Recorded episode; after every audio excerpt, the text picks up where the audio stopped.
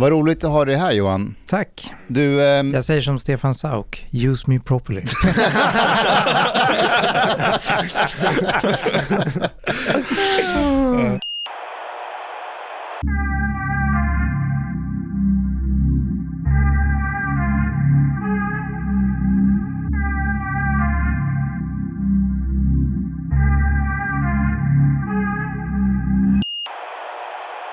du har ju skrivit två texter som är väldigt intressanta. Visst är båda i Svenska Dagbladet? ja, precis. Om man skulle kunna sammanfatta dem som att du har skrivit om de onödiga jobben egentligen.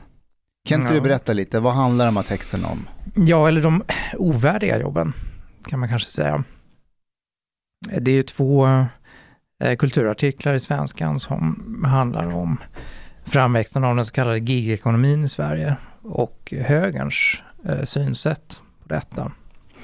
Ehm, till exempel företag som Fodora eller tjänster där eh, man kan be folk att eh, bära bort en sopor från trapphuset, eh, byggbråte och sådär. Och det där har ju ofta hyllats av den svenska högern som så att säga ett första steg in på arbetsmarknaden. Och, um, då, då skrev jag två artiklar som var kritiska mot det synsättet.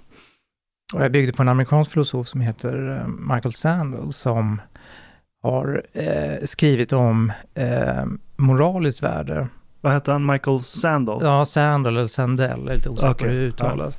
Men han har skrivit en otroligt intressant bok som heter The Tyranny of Merit, What's Become of the Common Good. Och där skiljer han då på arbeten som har eh, marknadsvärde och moraliskt värde. Arbeten med marknadsvärde, det är arbeten som helt enkelt belönas av konsumenterna på, på marknaden. Som tillfredsställer konsumenternas nyckfulla aptiter och behov. Medan arbeten som har moraliskt värde, det är arbeten som eh, Eh, dels har ett genuint värde för, för individen, man får avsättning för sina talanger, man får arbeta med någonting meningsfullt, men som också bidrar till att bygga samhället och eh, som bidrar till social sammanhållning. Och då menade jag då att om man anlägger det här perspektivet på gigekonomin så ser man att ganska många av de här tjänsterna, eh, i synnerhet kanske de här matbuden, saknar moraliskt värde. De har ett stort marknadsvärde, men de saknar moraliskt värde, eh, både för individen och, för samhället. Och därför tyckte jag att de, jag skrev det, att de, de hör inte hemma på en civiliserad arbetsmarknad. Och jag tyckte att Usch. högern bör inte hylla den här typen av jobb Mm. som man har gjort. Men Johan, eh, alltså om vi har ett jobb Mm. där, eh, där det efterfrågas, alltså Mm. man efterfrågar det och det, det ger arbetstillfällen. Mm. Vad är problemet? Ja, just att det är ett ovärdigt För att, arbete. Ja, alltså det är ju egentligen bara eh, ett främjande av lättja kan man väl säga. Alltså Foodora-bud. Eh, väldigt många av de här tjänsterna skulle jag säga handlar om att, att främja lättja och eh, underlätta för bekväma och teknikberusade konsumenter i deras vardag. kan man inte se det tvärtom då? Att det du? främjar för de som har det svårt att komma in på arbetsmarknaden, för de som har det väldigt svårt och Mm. det här är- underlättar väldigt mycket för dem att kunna eh, känna sig värdiga och delaktiga i Mm. samhället eh, istället för att ha, gå på bidrag och ställa sig utanför. Jo, det påstås ju ofta det, men jag skulle säga att det där är lite av en dröm. Det är väldigt svårt att se hur man kan komma vidare från ett arbete som matbud eller uppsamlare av andras sopor på tipptapp. Eh, alltså man får väldigt svårt att eh, till exempel ta krediter och lån. Det är väldigt svårt att se vad, det, vad den här typen av arbeten kvalificerar individen för, för andra arbeten i, i framtiden. Men när jag var liten till exempel, då, eh, då jobbade jag med att packa, alltså man, om man storhandlade, Mm. då, mitt första jobb var ju att packa varor. Mm. Hur gammal var du? Vad sa du? Hur gammal var du? Då var jag 15-16 år. De här är ju inte 15, 16, de här är typ medelålders pakistanier. Precis, det Eh. här är ju arbetskraftsinvandrare som har kommit hit så att säga ehm, på grund av utställda löften om då att ja men eh, i Sverige där kan man genom att ha den här typen av jobb, där kan man lätt ta sig vidare till bättre jobb och man kan ta sig högre upp på, på samhällsstegen så att säga. Men i verkligheten är det ju inte på det sättet, utan i verkligheten får man ju bo då långt utanför stadskärnorna och eh, sen ta sig in då till, stad, till innerstäderna och också säga agera som en sorts eh, tjänare till den välbeställda medel och överklassen. Och man får ju också då, eh, när det kommer till Foodora till exempel, då, ansvar för sin egen säkerhet, sin egen eh, utrustning, eh, sina egna fordon. Menar, det skulle aldrig accepteras i normala svenska Ja. jobb. Mm, Okay, I have like many thoughts now. Mm. Uh, first of all, who decides really if, if these jobs uh, saknar värdighet eller Mm. inte? This is one thing, but uh, and are you against like home delivery in general or the conditions of Foodora? Nej, alltså jag är inte emot eh, alltså till exempel att anställda på ICA får i uppdrag att köra ut eh, varor. Det, de är ju anställda så att säga. De, de har ju bra arbetsvillkor som, som regel. Eh, även om det naturligtvis finns liksom, naturligtvis värdigare jobb ändå. Men, men det är en väsentlig skillnad tycker jag. Sen är inte jag emot alla gigjobb heller. Eh, Det finns ju till exempel tjänster, appar där man kan då få hjälp med att eh, bygga ihop en, en säng till exempel hemma. Man kan, man kan eh, få kontakt med en yrkesskicklig snickare som har ett par timmar över som kan komma hem och göra det där åt en. Och det tycker inte jag är, är moraliskt fel faktiskt. Utan det är ju tillfällen där en snickare då får visa sin yrkesskicklighet och göra någonting meningsfullt. Um, och sen, ja, vem bestämmer? Jag, visste, jag anade att, eh, att du skulle ställa den frågan faktiskt. Det är Johan Ja. som bestämmer. nej, men, nej, men jag menar, för inte så länge sedan så skulle jag säga att det, det rådde konsensus om vad, vad den gemensamma moralen består i, så att säga, och hur vi ska behandla människor och vad som är människans, eh, så att säga, människans uppgift och vilka plikter människan har, eh, både mot sig själv och eh, mot det vidare samhället. Och eh, men en sån plikt handlar ju om, om förkovran och mänsklig blomstring. Och ehm, de här jobben bidrar inte till det på något sätt skulle jag säga.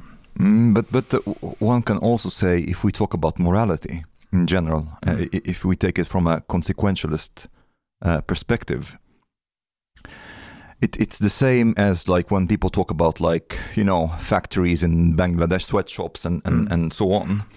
And of course, like some of these places, they have very bad work conditions, but one can also think about the alternative. What would happen if these jobs, like so, these Pakistani guys, for example, they are taking these jobs because they think uh, they think it's better for them than their conditions in Pakistan.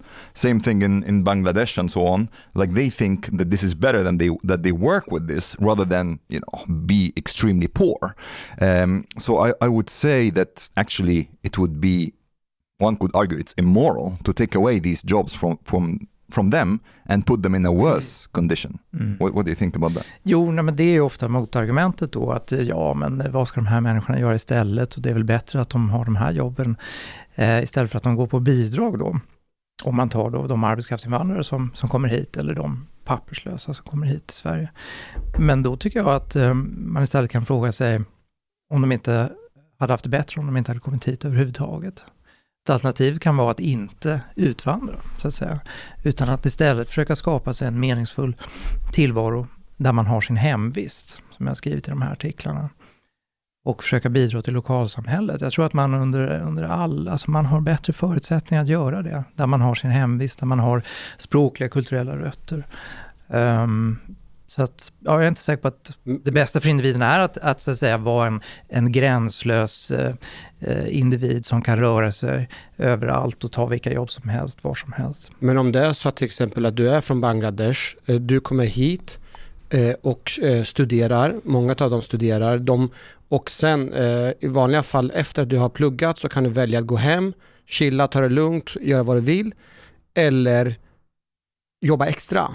Eh, De här, eh, många av de här värdesätter tiden på ett helt annat sätt. Att vara med och bidra och skapa ett bättre samhälle i sitt Mm. eget hemland värdesätter de genom att jobba extra, extra hårt och skicka hem pengar, Mm. pengarna till sina, till sina familjemedlemmar och Mm. på så sätt är de med och bidrar där de kommer ifrån. Mm. Sen kan man också argumentera, är det problemet också hur mycket de får i ersättning? Skulle det där kunna vara ett problem? För att en del av de här jobben är ju förvånansvärt väldigt bra betalt. baserat på att du har inga som helst arbetslivserfarenhet. Du behöver inte ha gått gymnasiet eller någonting. Du kan köpa din egen cykel, din egen väska, pang så är du ute och jobbar. Och ju mer jobb du jobbar desto mer får du betalt. Och det kan röra sig om ungefär 180 kronor i timmen. Okvalificerat arbete, det är faktiskt jävligt bra. Mm. Ja, alltså jag, skulle, jag tycker nog att eh, alltså arbetsvillkoren, de är ofta problematiska, i synnerhet att, att man måste ha ansvar för sin egen, eh, sitt eget fordon, sin egen skyddsutrustning, den typen av saker. Ehm, jag har ju sett, på vintrarna kan man ju se då, människor som framför de här mopederna som har byggt så att säga, vantar av tejp på sina styren. Liksom. Jag tycker att det ser ganska eländigt ut. Och från vänsterhåll har man ju ofta sagt det då att ja men eh, om arbetsvillkoren är goda, om alla kollektivavtal, då är det egentligen inga problem med de här jobben. Um, så att högern och vänstern har lite samma synsätt på de här jobben kan man säga, men vänstern betonar då eh, arbetsvillkoren. Men jag tycker inte att det är det enda problemet, utan det är någonting med de här jobben som inte är riktigt moraliskt eh, ja, försvarbart. Alltså att de saknar moraliskt värde helt enkelt i Sandells Mm. mening. Jag, jag, kan, jag kan se din approach. För, eh, jag tror att för tio år sedan så skulle jag bli helt rabiat och börja prata om den fria individen som har eget val. Och vem är någon att säga till mig att jag får inte tejpa fast vantar på en motorcykel och leverera pizza? Ja, jag är fortfarande där. Är du, du är fortfarande Jag är där? fortfarande Okej, great, great. Vad jag hör nu, det är en sorts, rätta mig om jag har fel, Mm. jag, jag hör någon sorts nationalromantik här. Or statism in general. Ja men om att vad, vad leder det här till på sikt? När du har en dekadent välbeställd övre medelklass som har så mycket pengar att, och tid att de inte kan gå ner till butiken och hämta upp en jävla hamburgare. Vad gör det här med oss på sikt och att det här skapar någon sorts ja, men pullfaktor Mm. Som drar människor Mm. ur deras rötter Mm. och har en sorts ett tomt löfte om att om du kommer hit och jobbar för 180 spänn i timmen så kommer du minsann finna din lycka. Mm. What's your connection to your work? Marxism. Ja, men det, det är grovt alienerande Mm. att ha Mm. ett sånt jobb. För inte nog med att du är inte ens en del av det svenska samhället utan du får skåda det svenska Exakt, samhället exakt. bakom eh, eh, osynligt glas Exakt. när du levererar. Mm. Och de flesta trycker ju till och med på ja, men, leverans utan kontakt med Precis. leverantören. Exakt. Du vill inte se den i Nej, ansiktet. Man vill känna Exakt. skammen. Du känner skam. Exakt. Covid, covid var ju perfekt Ja. för de här Mm. bolagen. Mm. För då kan man säga, nej men jag är lite rädd för virus så jag vill Mm. inte se personen i Mm. Ansiktet. Nu är det Mm. covid hela tiden. Ja exakt, ja. Jag var ju med, jag var med i Ivar Arpis podcast eh, för något år sedan och pratade om det här. Och då tog han upp en berättelse som han läste om på Twitter där ett matbud hade levererat en hamburgare till en familj och sen bett om att få den här maten för att han var så hungrig. Och eh, Alltså budet. Ja, budet hade bett om Mhm. att få mat, då kan inte jag få den här maten för jag är så hungrig. Och då hade kunden hade skrivit om detta på Twitter, tror jag av medkänsla, utifrån medkänsla med, den här, med det här budet. Då. Men reaktionen på Twitter hade varit, vad oartigt, vad oartigt av, av budet så att säga. Ja, det så där kan man inte hålla på. Okej. Okej. Om, man, om man hade sparkat Ja, men jag med. Nej, Den här personen har hade inte varit- nej, jag vi har redan pratat om det. Ja, vi har redan det- pratat och det om det och sa att någonting. jag skulle ge honom eh, maten. Eh, Skulle du Jag göra? skulle sparka honom. Jag det, det, det var honom. han som sa att han kommer inte ge Jag skulle honom sparka, alltså han har ju han har inte fullföljt sina plikter. Ja, eh, nej, det jag är inte Ja, men där. det, jag tycker det, det visar någonting, alltså det säger någonting om vad den här typen av tjänster gör med oss som människor. Det som du var inne på, att vi får ett väldigt alltså, instrumentellt synsätt på andra människor. Och vi får en uppdelning av samhället i så att säga, en välbeställd klass som beställer de här tjänsterna och sen en, en, en, en sorts underklass eh, av människor som utför dem. But Johan, I, I still cannot like. I think it would be really uh, morally wrong to deprive them of these jobs. Håller. Like even even if you would say, okay, this money that you're making now and these conditions are bad for you, even if that Pakistani guy is saying, well, the alternative for me is definitely worse. I'm telling you, Mm. I would prefer that to like being back in Pakistan. Mm. I would be more hungry in Pakistan, Mm. for example. And you're like, no, no, no. Mm. Uh, you should go back to Pakistan. And it's like there is, I'm hearing from you some some sort of, I would say, utopianism in a way that they should have a better world. They should they should have better jobs in pakistan something to give them meaning and so on. But this is like autumn is. The world is just like we have to deal with like you know a reality. And reality in pakistan is is not really good. It's better here. Sen är det väl också så att Nej, nej. Kör, kör. Nej, men jag tycker det finns flera aspekter av detta. Så att säga. Och, men en aspekt är ju eh, individens eh, situation och en annan aspekt är ju också det omgivande samhället. Det är det jag, jag försöker jag hålla två tankar i huvudet samtidigt som det heter numera. Eh, att också reflektera över vad, mm, alltså hur påverkar det här vårt, vårt samhälle? Och jag är inte säker på att det är helt av, av godo, måste jag säga, just av de, av de skäl jag varit inne på. Så att, så att jag tycker inte det räcker att säga som du gör, att ja men Eh, om, man- om, om individen på ett övertygande sätt att det här, säger att det här är det bästa för mig, ja då måste man acceptera det. Det, det tycker jag inte faktiskt. Men vem är du att frågasätta individerna som, som eh, har valt den här livsstilen? De är här, de jobbar eller de, plugg, de pluggar och sen på sin fritid när jag sitter och pillar med naveln och kollar på Netflix så väljer de här att jobba för att de har helt andra inställningar till livet och skickar pengar till sina, hem, eh, till sina, till sina familjer. Vem är, vem är jag eller du att bestämma att det där är moraliskt fel? Mm. Men är det verkligen på det sättet då som säger att alla är studenter som skickar hem pengar till sina familjer? Ja, det är jag skeptisk till Ja, också. det måste jag också säga. Nej, jag du, är var- ändå, du är ändå polis och du måste ju ha sett så att säga, det enorma utanförskap som frodas liksom, i globaliseringens skugga i Sverige. they're not Alltså, forced into it En del är säkert studenter, men långt ifrån alla. Definitivt, men jag tänker bara att, att själva idén att man själv väljer att prioritera sin egen fritid och vad man väljer att göra med den. Eller att man väljer att prioritera att man bor, eh, bor trångt. När jag, bodde, när jag var student och bodde i Norrköping, då var det två stycken bangladeshare som bodde tillsammans i en studentetta. De studerar på dagtid, på kvällarna så jobbar de för McDonalds och städar rent och så. Mm. Jag tyckte det var egentligen fruktansvärt att de gjorde det. Jag tänkte shit, varför kan inte de bara vara, ha det lika glidigt som jag har det? Men vem är jag och bestämma vad de om ska det, göra jag undrar om sin... det inte är lite, lite naivt, ärligt talat, att prata om val och prioriteringar i det här fallet. Det är sant att, att människor som arbetar för Foodora inte, inte tvingas till det. Men jag skulle säga att det är en gradskillnad, snarare en artskillnad mot det utnyttjande som finns inom till exempel byggbranschen och restaurangbranschen. Utan det här är människor som har kommit hit, så att säga, som tror jag har köpt lite den berättelse som vi har berättat om globaliseringen de senaste 20 åren. Att eh, globaliseringen är god och alla kan bli vinnare i den om man bara visar framfötterna, visar framåtanda. Det är alltid bra och positivt att lämna sitt sociala sammanhang för en rotlös tillvaro någon annanstans. Och man tror då att man kommer hit och kan få ett bättre liv. Men det är inte nödvändigtvis så. Man kan faktiskt på vissa sätt få ett sämre liv.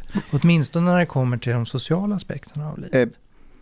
Okej, så här, jag, jag, jag, jag känner igen det du beskriver. Jag, jag, ska, jag ska ge ett annat exempel. När jag Mhm. gick i Växjö på universitetet, eh, du vet, polisutbildningen och Växjö universitet är ju samma liksom, ställe, det är campus. Och, eh, och då hade vi en massa utbytesstudenter där, eh, många från Indien. Eh, och de här unga killarna, eh, de sket i att skaffa egna bostäder. Eh, och istället bodde de på universitetet. What? Eh, Ja, för universitetet är alltid öppet. Du kan gå ut och in hur du vill. Alltså, Just det, det finns duschar också. Exakt. Ja. Så de sov i Ah. de salarna de under dagarna hade föreläsningar i. Ah, is this allowed? Eh, Nej. egentligen inte, men det är öppet hela tiden och alla kan gå in på två på natten och bara jag vill plugga och så sitter man i de Right. salarna. Så de sov där och på, på, på nätterna, typ när vi kanske hade varit ute och tagit någon öl, så kunde man gå genom campus hem, för det var lite enklare istället för att gå runt. Du vet, då luktade det curry Mm. genom gångarna. Det luktade, Fruktansvärt! nej men det luktade popcorn, för de, de kollade på filmer och du vet, de bodde ju där. Det gick inte att köpa köttbullar. Nej, men jag Jimmy bara- moment deluxe! Nej, nej, nej, nej, det här är inte Jimmy. Jag vet inte. Det här är ändå ambitiösa personer. Men, men min, min poäng är att det var, det var två delade reaktioner. Det var en, eh, en så här del som vi kan kalla det för Annie Lööf och Fredrik Reinfeldt-delen. Moment. Nej, nej, nej, inte moment. Yes, yes, no, förstår. Ja, som Fortsätt. tyckte att wow, Vilken grej. jäklar, de här personerna, de, de, det här är ambitiösa personer som sparar pengar, de har ett mål i livet. Och så var den andra delen som mig som fick lite så här, jag vill inte ha det här i Sverige. Mm. Jag vill inte gå igenom universitetet och det luktar curry på nätterna. Mm. Jag vill inte att det luktar apa i... Nej men lyssna, inte, så. Hallå, vänta.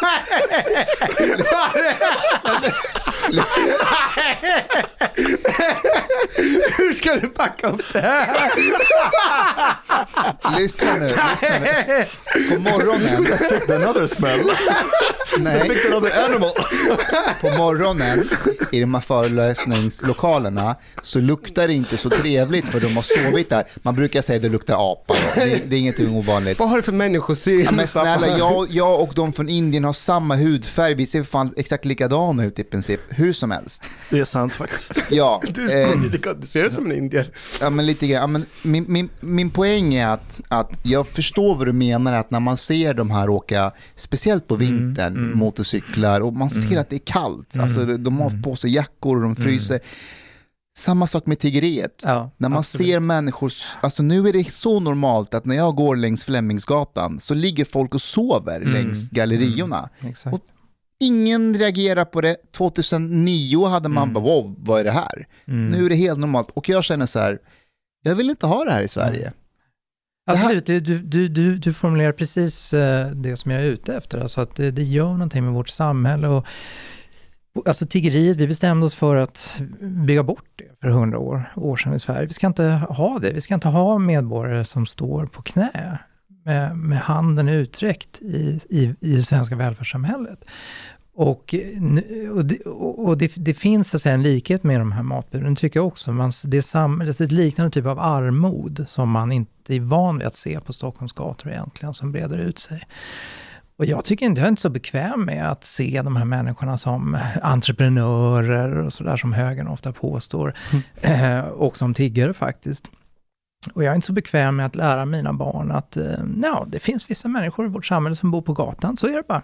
But uh, okay, but uh, I'm hearing from both of you a little bit like uh, there is a disgust that is motivating this attitude to some degree or a sense of purity. Lite That- så, jag är inte stolt över det ska jag säga. Men jag, jag, jag kan vara ärlig och, och säga att jag känner så lite så ja. But I mean, like, there is also a middle path between like Annie Lööf attitude and and like saying that this is just discussing like life is tough. And sometimes people have to basically make tough choices uh, according to their own you know, basically their own conditions and and and uh, what they think is better for them. Jag skulle inte säga att det handlar om, åtminstone inte för mig, handlar det inte om äckel eller renhet, utan jag formulerar den här kritiken mer utifrån eh, en sorts medkänsla, helt enkelt. Jag tycker inte riktigt att det är förenligt med ett medkännande civiliserat samhälle att vi har öppet tiggeri eller att vi har den här typen av, av arbeten där människor i praktiken är väldigt utsatta helt enkelt och tvingas göra förnedrande saker. But, Johannes, andra- medkänsla, I don't know, i i it's, it's, this is only like medkänsla in your own backyard because if we follow this reasoning, so if you want to abolish these jobs, you have to like follow through and say, okay, these guys will have better conditions than than before. Otherwise, if they will have worse conditions, det är inte medkänsla, I would say. Nej, ja, men jag menar ju att de här jobben inte bör finnas liksom, Yeah, but- överhuvudtaget, oavsett villkor. I understand, but I mean, like, what you seem not to like think so much about these individuals, what will happen to them. So, if they will have a worse life because of a decision of abolishing these jobs, Mm. is this an okay, morally okay stance to have? Det är ju väldigt svårt att... eh, eh, alltså det är ju väldigt svårt att spekulera i vad följden skulle bli. Men man måste på något sätt... Though? Ja, jag nog att det är. Och man måste nog balansera så att säga, individens intressen mot samhällets intressen. Och just den här eh, känslan av att Sverige är en viss typ av samhälle där vi har en viss syn på eh, arbete och värdighet och mänsklighet. Och att den synen bör inte utmanas allt för mycket av nya fenomen eh, på arbetsmarknaden. Det finns aktivister som säger att ingen människa är illegal. Jag kommer gömma, let's say, ensamkommande afghaner. Mm. För att hellre att de är här som papperslösa än att de åker tillbaka till Afghanistan, eller Iran kommer de oftast ifrån. Är inte det samma sorts högmod där? Att nej men, Sverige är så bra, Mm, att ett absolut, liv som papperslös här är bättre än att du åker tillbaka Ja, till visst, Iran. Absolut. Så vi förutsätter ju av någon magisk data som inte finns, Mm. eller som jag inte känner till än, så om ni har Mm. den, dela den gärna. Att vad är det som säger att deras liv är mycket bättre när de är här? Mm, Hur exakt. vet vi det? Well, uh, but, Vad baseras den datan på? but uh, if they have the opportunity to choose, it's up for them to like. I mean, like okay, uh, I think it's maybe also like very infantilizing to think that this Pakistani person does not really know how his life would be if Jag he's going med. to Jag Pakistan. håller you know? med, det är det som stör mig. Yeah. Jag- So he, he he knows and he chooses this out of like, you know, um, a relative well-being perspective that this is better for him. But I, I would say also there is a big difference Men hur in, kan han värdera så att säga det? Hur kan han veta att det kommer att bli bättre i termer av välbefinnande om man tar sig till Sverige? Det kan han ju verkligen inte veta och med all sannolikhet så blir den personen väldigt besviken. But mm, how do you mean? Like, uh, if he comes from Pakistan and knows Mm. the conditions there and what kind of opportunities are available for him in his own home country, Jo, men And han vet ju inte vilka, i praktiken vilka möjligheter som finns i ett land som Sverige. Och han har ingen aning om vädret heller. Nej. yeah, but as long as we're Och det not är det som är min poäng, så att säga, att många människor har köpt en sorts, ett sorts narrativ eller en berättelse om eh, arbetsmarknaden i västvärlden och hur många otroliga möjligheter det finns här om man bara visar framfötterna. Men det fungerar inte på det sättet. Okay, yeah, I understand. And this is like part of like, mm, you know, uh, having experiences in life because uh, unless you are holding him from leaving Sweden and going back to Pakistan, this of course I would be against, but he can always go back. Like, eh, no, this is not mm, Nej, here. These, these conditions are bad for me. I'm going back to conditions which I think are or know are better for me in my home country. And there Ta must be some guys who have done this. Eller ta, eh, låt säga att jag väljer att eh, satsa på ett nytt yrke. Jag går utbildar mig två, två och ett halvt år. Jag vet inte vilka förutsättningar det nya yrket kommer innebära. Mm. Jag, jag chat, san, eh, chansar, lägger tid för att testa det nya yrket och se, är det, funkar det här för mig? Funkar det inte? Så får jag återgå tillbaka till någonting annat. Och jag tänker det är också en del av livet. Ja, alltså det är väl en sak om, om man vidareutbildar sig och, och faktiskt tar sig vidare, men eh, som jag var inne på så tror jag att den här typen av jobb ger väldigt små förutsättningar för att, för att faktiskt kunna göra det. Mm. Och för att överhuvudtaget kunna bygga sig ett liv i Sverige. Alltså bara ta bara en sån sak som möjligheten att få lån eller krediter. Det kan man, kan man inte få om man har den här typen av, av osäkra jobb. Well, part of your argument I can buy the one that has to do with society rather than the individual, because for the individual, I would say mm, whether the state or, or uh, the collective should not decide on what's better for the individual themselves. Uh, but i- it's an interesting aspect to think about whether it's better for the Swedish society. Mm. This is something that we, yeah, mm, there is a point there. Mm. Is Men det var really lite better det jag for, var inne på, att, att Mm. jag tror att Reinfeldt och Annie Lööf-delen har romantiserat det här så mycket så att Mm. man inte vill se den andra sidan.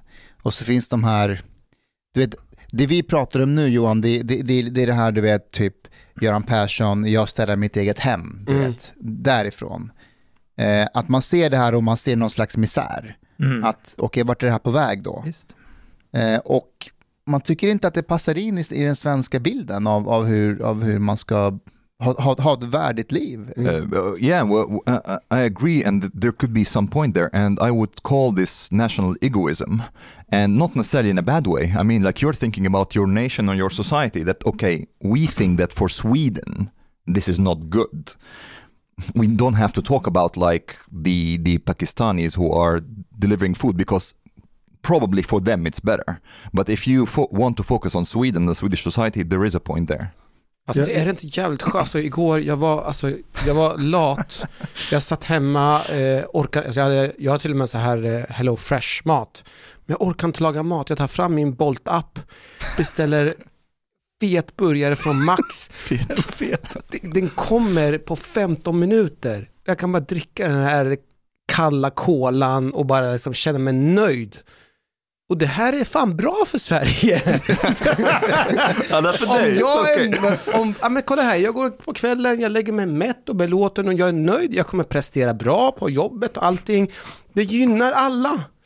Men Det det- gynnar alla. Vad, vad är problemet? Jag fattar Jag, inte. jag, jag är för snobbig för att beställa från Bolt och Uber. För att ma- jag litar inte på att maten är i samma state som när, den till, som när jag får den på plats. Den blir kall och slafsig. Ja, exakt. Och speciellt med pom- pommesen och ham- Så jag, jag beställer aldrig. Jag har aldrig gjort det tror jag. But one, one can take this like uh, one step further as well and say, well, if we are getting too lazy, this is not good for us. We should go to the like the restaurants and get food. We might as well say, well, it's better if we cook home and don't Mm. buy food from restaurants. Ja, This- så att de kan gå under. Ja. Mer verksamhet. Men det är också en fråga om, så att säga, Eh, inte bara individens eh, materiella fördelar. Alltså, jag tycker att vi i väst, och det är ju Sandells poäng då, att vi i västvärlden har fått en ganska torftig och materialistisk syn på arbete. Att det, det är bara liksom det här med ehm, ja, lön och, och materiella villkor och möjligheten att ta sig vidare på arbetsmarknaden som spelar roll. Men en minst lika viktig, om inte viktigare aspekt av arbete, det är ju så att säga känslan av eh, mening och känslan av att man får avsättning för sina talanger och att man kan göra någonting som är värdefullt för andra människor också och inte bara gynna sig själv. Och eh, om man anlägger det perspektivet på de här jobben, då, då är de så att säga inte, inte så värdefulla helt, helt enkelt. Kan vi Och fortsätta? det kan vara, det kan Ja. vara ganska enkla jobb ändå, va? Som, som kan ge mening till Mm. både individen som utför dem och till andra människor. Till exempel städning kan jag tycka, det, det kan verkligen vara ett hantverk. Alltså jag säga. tänkte direkt på Mustafa. För att å ena sidan, Mustafa, det här är på riktigt, Mm. först så hade han ett jobb som var väldigt meningsfullt. Han var, han var polis, han var på, ute på gatan, han ställde saker och ting till rätta. Men utifrån den aspekten så valde han eh, att göra, liksom, hålla på och föreläsa, resa runt, Mm. som inte är Som lika också. meningsfullt men genererar mer pengar. Mm. Och, och jag tänker också att det är tråkigt för samhället. Alltså vi borde ju liksom få gå tillbaka till att vi gör, Till att jag blir polis. Alltså så att man har, alltså det är där Johan är inne på, att vi måste ha eh, jobb som är mening- meningsfulla och bidrar mer till samhället. Vad, är det vi, vad är det för någonting vi gör egentligen när man är ute och föreläser? Man håller på att liksom inspirera, man berättar det ena och det andra. Alltså, Men vad ger det egentligen? Du och jag har haft den här konversationen förut och när jag förklarade för dig eh, om, om alla som faktiskt har lyssnat och tagit till sig och vill bli poliser så har du sagt okej det du gör är rätt meningsfullt. Det är lite meningsfullt men det viktigaste det är brotten, kriminaliteten som är grundbulten i samhället. Yeah, but, but if we also like, if we take just Swedish police and how criminality has been going, I don't know. Så är det viktigt att han går tillbaka till jobbet som Men- polis. men lå- låt oss Men jag såg en, det, var en, det var en ganska intressant dokumentär om eh, svenskt arbetsliv i, eh, det var en, en serie kortfilmer som gick på SVT för eh, ja, något år sedan. Och eh, en film skildrade en lastbilschaufför. Och det kan man ju tycka är ett ganska liksom, ja, enkelt jobb. Men han satte en enorm yrkesstolthet i det här och sa, nej men, sa på fullt allvar, nej men jag håller Sverige rullande, Mm. det är mitt jobb, jag bidrar till landet. Och det där, det där, den där känslan av att man bidrar till att bygga landet, det tror jag är enormt värdefullt i arbetslivet. Och att man kan få känna stolthet över det man gör. Och det, kan- det, det kan man liksom inte göra riktigt med, med det här med matbud och... eh. Men, men lå- låt oss identifiera den bråte och gränsen då. För, Mm. för jag, jag tycker det där är inte bara intressant, det är Mm. livsviktigt om vi vill kunna bygga en Mm. nation som Mm. håller ihop. Absolut. Vart drar vi gränsen för mening och inte? Eh, Om jag bara kastar ut ett exempel. Mm. Eh, Jag är entreprenör, jag smäller upp en pizzeria. Det går bra för pizzerian, jag har inte plats för alla kunder, jag börjar erbjuda leveranser. Och så anställer jag en person vars enda uppgift är att köra pizzabil Mm. till min pizzeria. Mm. Så hade vi hos oss Ja, by the way. och så var det förut också. Ja. Alla pizzerior hade utleverans. Nu har de outsourcat det till Mm. Uber och de här. Mm. Eh, vad, vad skiljer sig en person som jobbar på en pizzeria med utkörning med Foodora? Bara om vi börjar där.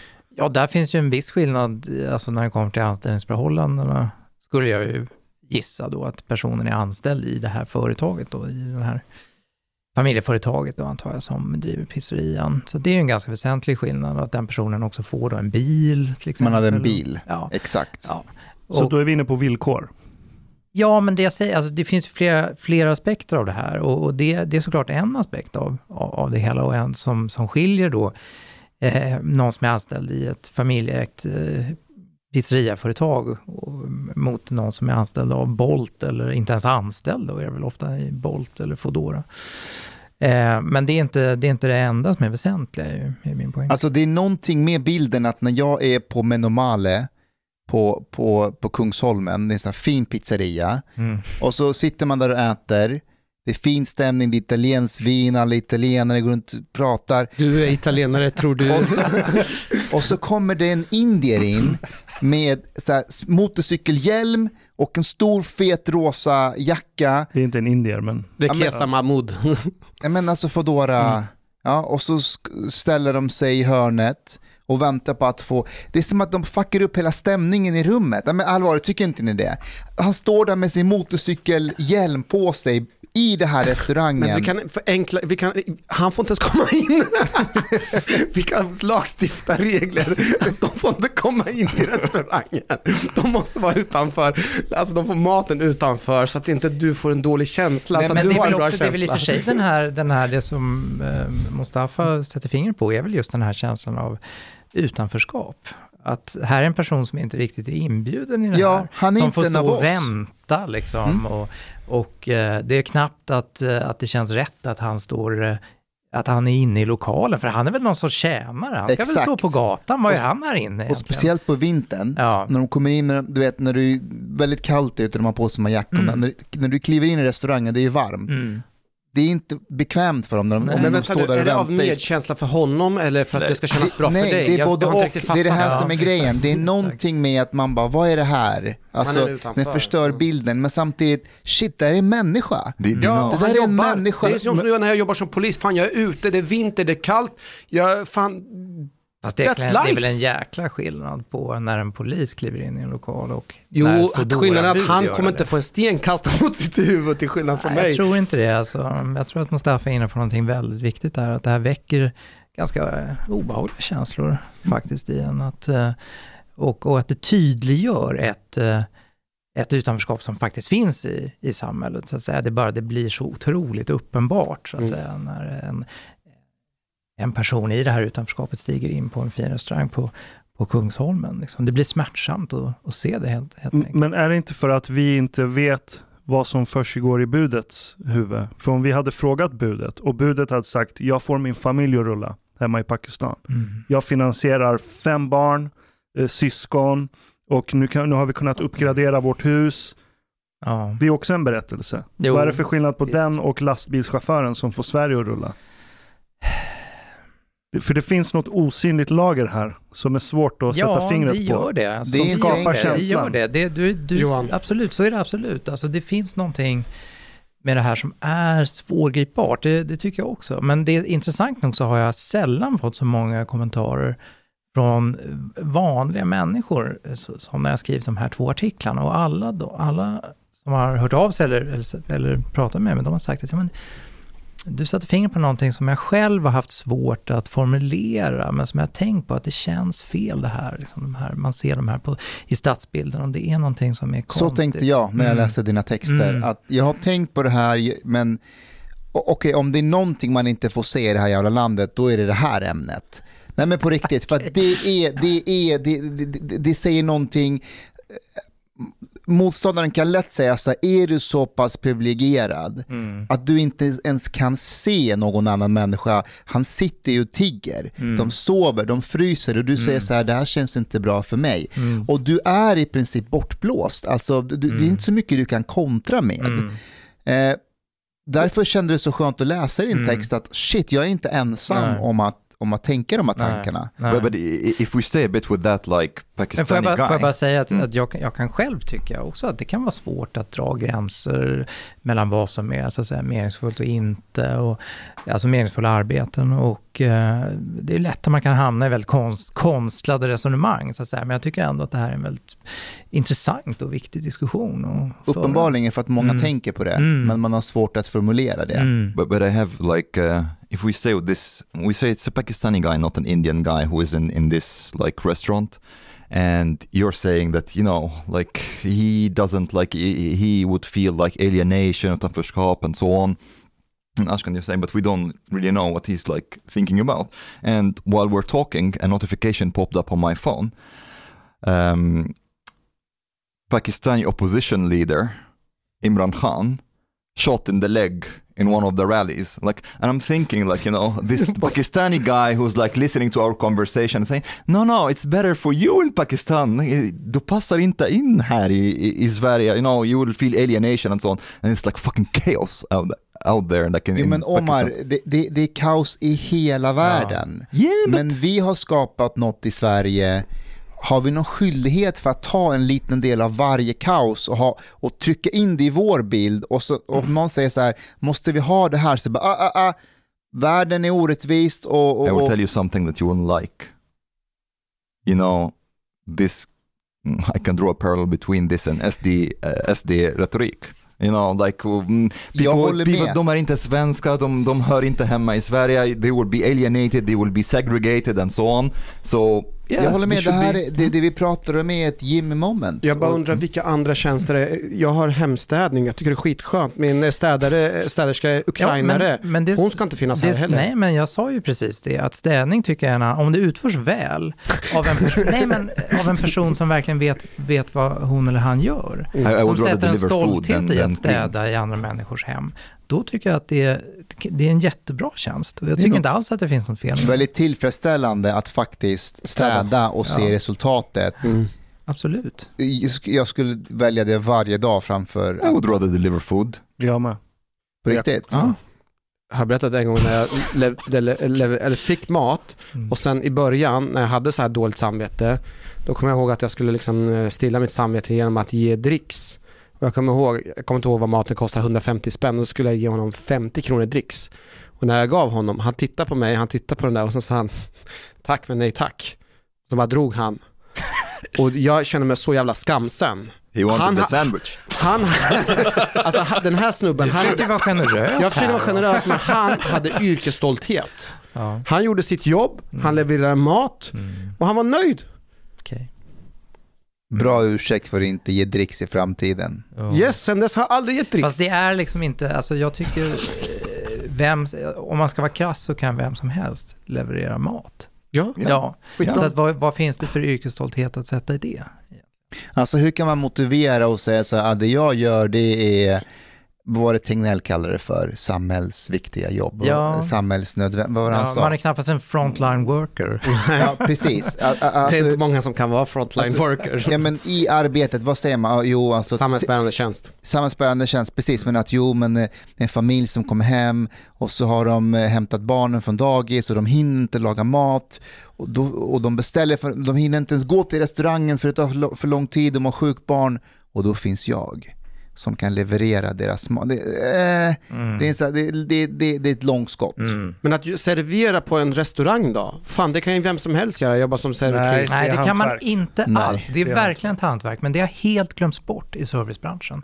Tala med äldre se- servitörer och servitriser så ska du få höra någonting helt annat. Absolut. Och John Cleese, såg ni det när han var uppe i landet i Luleå eller Umeå? Han har ju någon turné där. Och så var han väldigt besviken på servicen på Ah. ett av hotellen. Det är katastrof. Och han skrev något väldigt eller, roligt om det, att, att, att det verkar som att personalen på de här hotellen, du vet, i vanliga fall så, så försöker man få kontakt med kunderna, gästerna, för att säga, kan jag göra någonting, behöver någonting. Här undviker man ögonkontakt för att man inte vill Mm. ge service. Och någonstans man faktiskt är väldigt bra på service, det är på Hotel. Alltså jävlar men på riktigt. Där har du människor som ger dig service, de finns där för dig.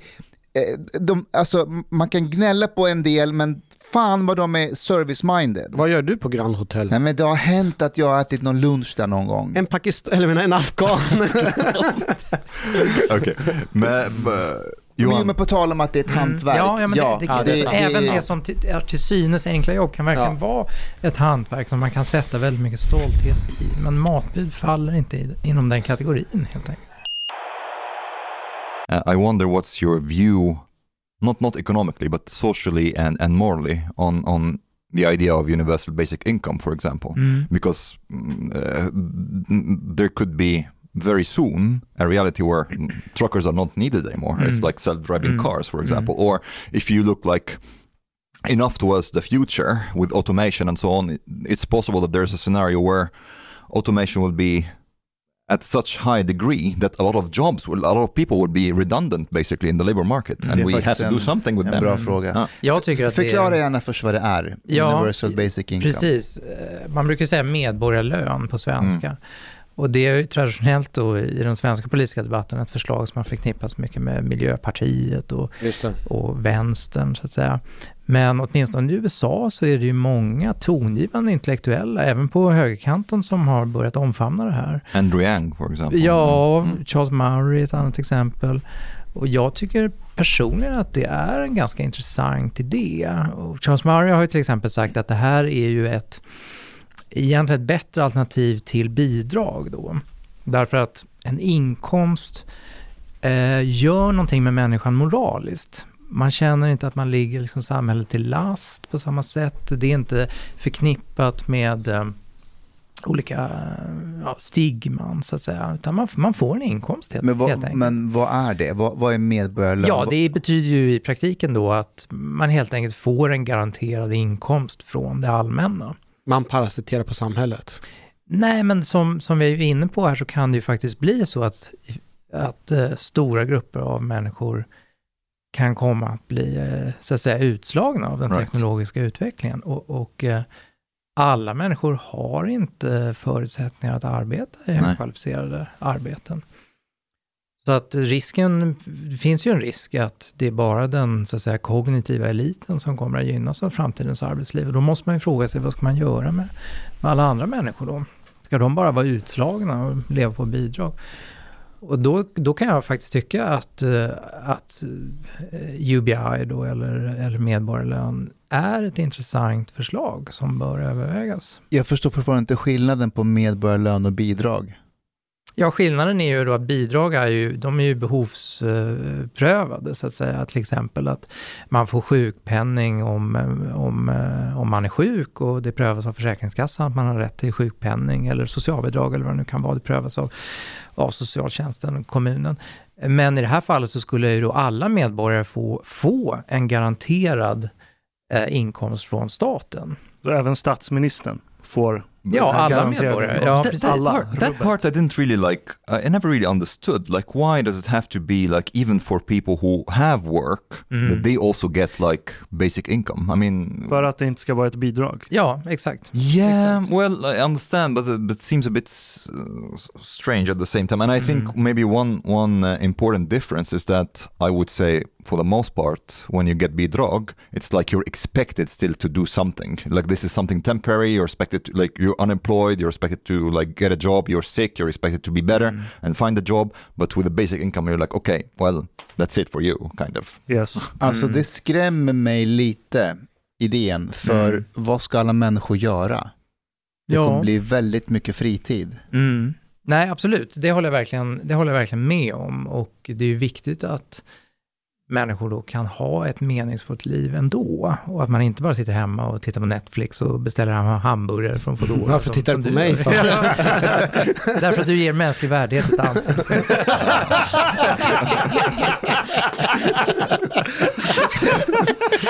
But but Nej, men så, att- så att det är verkligen jätte, jätte, jätteviktigt. Alltså, och, och, och det behöver man reflektera över helt enkelt. Hur ska människor ändå känna livsmening och Kan inte du- bara slösa bort sin tid? Can't we suggest that we do like a full circle and we say to people, okay, well, everyone who who is not like fitting to the system right now, the human experiment is over. You guys go back to hunter gatherer life, go out and hunt. This could be a fun Men det, life. det är någonting med grejen att Alltså jobb är ju mening. Mm. Det, det är det vi, vi liksom har fått sen modersmjölken, att du måste arbeta. Mm. Och om det försvinner och du får medborgarlön, Mm. en del kan, kan tycka wow, vad mycket tid jag har nu till mina fritidsaktiviteter. Mm. Jag kanske gillar att måla, jag gillar att skapa musik. Mm. Men jag tror, och jag kanske har, har helt fel, men jag tror att majoriteten av människor, i alla fall en väldigt stor andel, inte har det här Mm. att jag vill måla eller Mm. jag vill rita, utan de behöver bara jobba så att livet liksom snurrar. Mm. Och jag är rädd att vad, vad kommer de att göra Mm. om de inte hittar någonting meningsfullt? Mm. Nej, jag håller med dig. Visst, det, är- det är verkligen baksidan Men av, jo, av det här. finns det ingen motsäge, motsägelse mot att om man, om man, å ena sidan pratade vi tidigare om att man ska vara med och jobba med någonting som känns meningsfullt och bid, alltså det ska bidra. Mm. Men å andra sidan så pratar vi nu om en medborgarlön som garanterar att man får lön och att man inte behöver bidra. Alltså det skulle väl fungera så här skulle jag gissa att en, en medborgarlön skulle vara ganska låg ändå, så att säga. Det skulle kanske inte motsvara en eh, månadsinkomst på 30 000 eller någonting sånt där, utan Eh, men det skulle ändå ge en, alltså det var en tillräckligt stor inkomst för att man skulle kunna klara tillvaron tror jag. Sen kan, det är inget som hindrar individen från att fylla på det beloppet, arbeta när man kan, bidra där man kan och så att säga starta olika typer av egna verksamheter. Um, och, men medan andra kanske väljer då att vara lediga då, men, men det viktiga då är ju att man då finner mening utanför arbetslivet. Jag, jag tror att, att bidra är, jag gissar bara, det är nästan biologiskt evolverat bland Ja, oss. absolut. Vi att är om vi inte får bidra, Mm. exakt, om vi inte får bidra Mm. med kroppen Mm. så blir vi sjuka. Mm. Antingen med Och- kroppen eller på ett annat sätt. Ja men alltså hjärnan är också kroppen, så du Ja. bidrar ju. Mm. Så visst, jag tror att just nu i tiden så skulle medborgarlön faktiskt funka. För att vi har så mycket bedövande aktiviteter som människor kan använda. Du kan få dig snabbmat, kolla på Netflix och snart kan du stoppa på ett headset på ditt huvud och vara i ett metaversum. Och ha en egen identitet där och så finns det säkert massa låtsasjobb inne i det här metauniversumet. Så vi har ju infrastrukturen för att ha människor som inte gör någonting. Meta is crashing though, so we don't know. Ja, men det där är Det ju... kommer komma en ny variant när teknologin är klar. Det där är väl mardrömsscenariot, det som du skisserar nu, tycker jag. Det är ett mardrömsscenario men oundvikligt som jag ser det. För vi håller på att uppfinna bort all mänsklig Mm, verksamhet, mm, sakta mm, men säkert. Mm. Nej, men det- håller jag verkligen med Ja. om också. Alltså verkligen. Jag tycker, och jag avslutar min första essä i Svenska Dagbladet, avslutar jag då med en uppmaning till högern att ompröva hela det, det apifierade samhället då, som, som, jag skrev som den digitala kapitalismen har försatt oss i. Så jag håller helt med om det, att den teknologiska utvecklingen bidrar verkligen till en ökad fragmentisering av samhället och en försvagning av sociala band. Ja. But Verkligen alltså. there's something else that maybe is even darker because maybe it's even unavoidable. Uh, one can talk about meaning and what like what is like one working with and so on, but it's also possible that um, because people generally speaking put a lot of emphasis on status and, and relative status and some like a system like that could create basically two castes there's an upper caste people who actually you know are needed in society and doing things Mm. and the lower caste people who are redundant basically Yes. and you're just like we're mm, we are giving you like it's almost philanthropically some money even though you're not really needed uh, and i wonder what that would do Fast man kan ju like- se det på ett annat sätt också. Man kan ju, vi skulle ju kunna ha en diskurs, diskurs i samhället som öppnar för att man kan bidra på andra sätt än bara genom att arbeta. Till exempel genom att bygga starka, välfungerande familjer.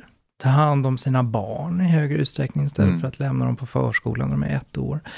Alltså det är också ett sätt att bidra till samhället som skulle kunna underlättas av till exempel en medborgarlön, om, om ens jobb då har avskaffats av artificiell intelligens i framtiden. Så jag tror vi behöver vara öppna för att alltså, omdefiniera vad ett bidrag är egentligen, ett so- socialt bidrag är. Mm. På så sätt tror jag man i alla fall kan delvis eh, eh, så att säga komma undan från, från det här kastsamhället då som du... Mm. Men är vi inte redan lite grann i en form av kastsystem här i Sverige. Jag tänkte lite på det också. Jag tänker att vi har å ena sidan de faktiska jobben som är meningsfulla, som är samhällsbärande, Mm. som måste finnas. Och jag tror jag inspirerades av din text att men också att man, man har de här grundläggande jobben som polis och där, Mm. men sen så börjar man också prata om att man kan göra karriär på annat sätt genom att vara kanske influencer eller någonting som är, Mm. eh, man blir lite framgångsrik med föreläsningar tänkte jag Mm. nu på Mustafa Poddar. poddar och Ja. så. Och det gör att eh, man utåt sett framstår som att man är någonting, Mm. men faktiskt så bidrar man inte med någonting vettigt egentligen om man jämfört med att jobba som typ sjuksköterska, Mm. polis, Mm. lärare, läkare. Allt det där som vi egentligen har stora brister i. Mm. Sen en annan sak att det också finns en föreställning att man tycker att de andra jobben är så jävla bra och häftiga för att det finns en status i det. Men egentligen är de inte så meningsfulla kontra det andra yrket. But, but uh, I mean, it- it's also interesting to think about value in general because you can see value in, like, I would say, three different ways. One is something that actually is useful, um, like you're saying, police, um, and so on. This is one way to see value. Another way to see value is basically whatever the collective puts value on um, like if society decides okay this is this what you're doing we are willing to give you that much reward so it's the collective that is deciding on the value of what you're offering them whatever product of uh, like you're offering them. So this is another way to to see value. The third is to like see what actually how much work you're putting into the thing. Jo, men det är bara att i det sättet som du pratar som alla andra med och bidrar, det, jag uppfattar att det är lite olika spelregler. Ett exempel, om vi ska bara konkretisera, om man är med och producerar en podd, så kan kollektivet vara med och bidra med det i någon form av liten pengapåse. Medan om du är med och bidrar till samhället, kollektivet är ju med och betalar eh, lönen i form av skatt, men de är ju redan, tycker jag, hänger med, de är ojämnt fördelade på något sätt. yeah but i mean like uh, uh, Och det är jättekonstigt. take even a more extreme um, like example if you if you look at football players you know Ja. they get like insane amounts of money uh, and one can say that this is what we have decided the value of what they are doing is this is why we're rewarding them in that way or we can say it's like you know the, the, the, this has no value compared to like the police and teachers and so on but well Men det är fler som kan bli polis än det finns människor som kan bli en toppfotbollsspelare. Talang är inte demokratiskt fördelat. Och genom historien har människor alltid värderat talang som är unikt mycket högre än allt annat. Så det, det är inte så konstigt. Fotbollsspelare genererar pengar för de kan någonting de flesta andra inte kan. so it's a high value position regardless of actually what you are contributing to society this is what i mean so men, the- men, men, men vem bestämmer att det inte är bidrag, att bidra till samhället? Så, så här, ja, om jag inte Det är hade inte gjort samhällsbärande menar jag. Nej, men vadå, om jag inte hade gjort musik för 20 år sedan, samhället hade inte kollapsat. Om jag inte går ut och föreläser så kommer inte samhället kollapsa. Det är ingen samhällsbärande, men det är underhållning. Ja, alltså jag, Jag, und- jag är en underhållare på scenen. Jag, En- jag lever inte under någon myt att jag upplyser folk och räddar världen. en, Det är edutainment. en pappa som går till en fotbollsmatch med sin son och delar den upplevelsen med sin son eh, och sen går hem och så skapar de en tradition av att de hejar på det här specifika laget och de känner när de förlorar och vinner. Det är, ju- culture in a way Ja, det, det, det är kultur om något Mm. och det, det skapar ju ett band och, Mm. och Absolut. varför är inte Ja. det samhällsbärande? Jo, jag menar, det, det kanske, nej, jag tänker att, jag tänker, jag kanske tänker fel, men jag tänker inte att det är lika meningsfullt arbete. Om något är det ju det, det är ju meningsfullt att ha det med sin, med sin son. ja, jag menar den fotbollsspelaren som spelar fotboll, det är inte, menings, det är inte lika meningsfullt. Det är ju det är meningsfullt om det blir ett verktyg som en förälder och ens barn kan använda för att skapa en relation med varandra. Mm. Jo, det kanske det kan vara. Mm. Or if you if you're fine, like, do you mean like from the perspective of the football player or from the perspective of society now? Från fotbollsspelarens Uh, perspektiv. well, uh, there, the thing is, like, there's no really objective meaning about life. Like, meaning is whatever you you make yourself of it. Like, if if if they think that if that football player thinks that um, it's there's a lot of meaning in what he is doing. Men jag, jag tänker alltså meningen i, i, i, på så sätt att man är med och bidrar till samhället och bygger upp samhället. Och Men det att, gör han ju. Ta, ta Ronaldo till exempel. Han köpte nu ett hus för 220 miljoner i Portugal. Den behöver renoveras.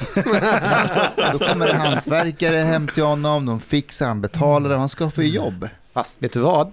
Han får inte beställa mat via Foodora. Jag, jag tänker nu så här, alla, alla saker jag har gjort med min dotter senaste veckan. Så okej, vi har varit på badhus, vi har varit på Gröna Lund, vi har sett film.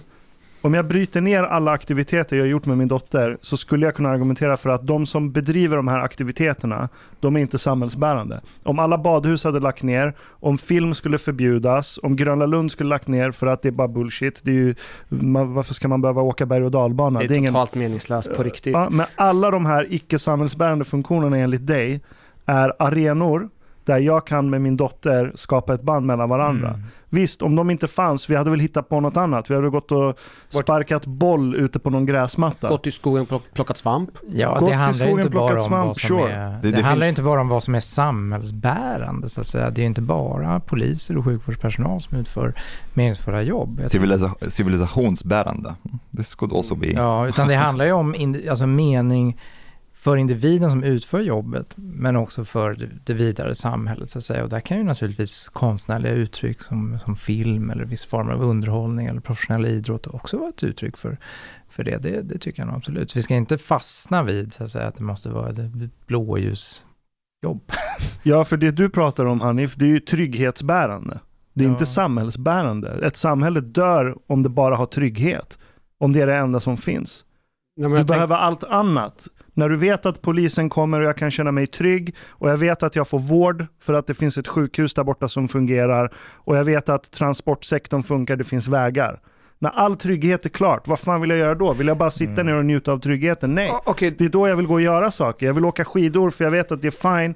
För det finns ett sjukhus jag kan gå till om jag bryter benet.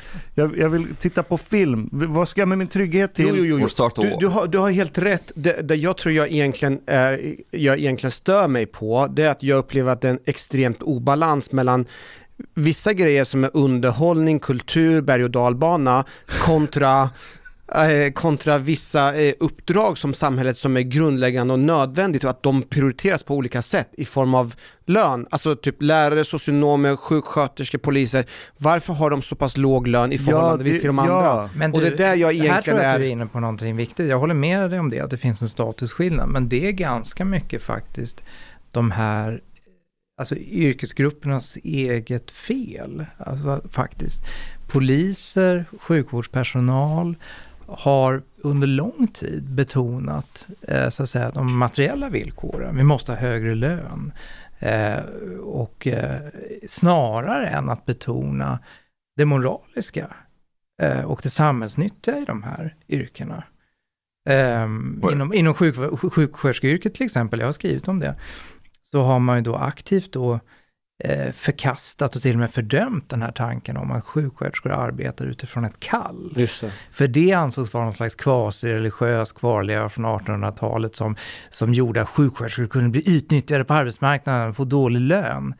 Men det är ju det som är det unika och, och det är det som gör att, att sjuksköterskor får respekt.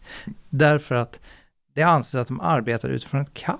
Johan, Och det är samma sak med polis och, och lärare, skulle jag säga. did, did you just engage in victim blaming when it comes to the police and teachers and nurses? You're Nej, like, it's här- your own fault you don't have. ja, men, jag- alltså, inte- You're asking for more pay the whole time. This is why you don't have more pay.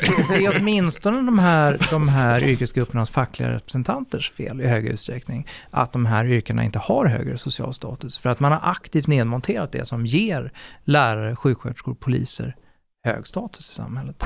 Mm. Och det är därför man kan se upp till de här människorna för att de har frivilligt valt att göra det här viktiga, eh, beundransvärda och att de arbetar utifrån ett personligt kall. Men om man säger att nej, vi arbetar inte alls utifrån ett kall, vi är motiverade av lön som alla andra yrkesgrupper. Ja, varför ska man då ha någon särskild respekt för poliser eller för lärare eller sjuksköterskor?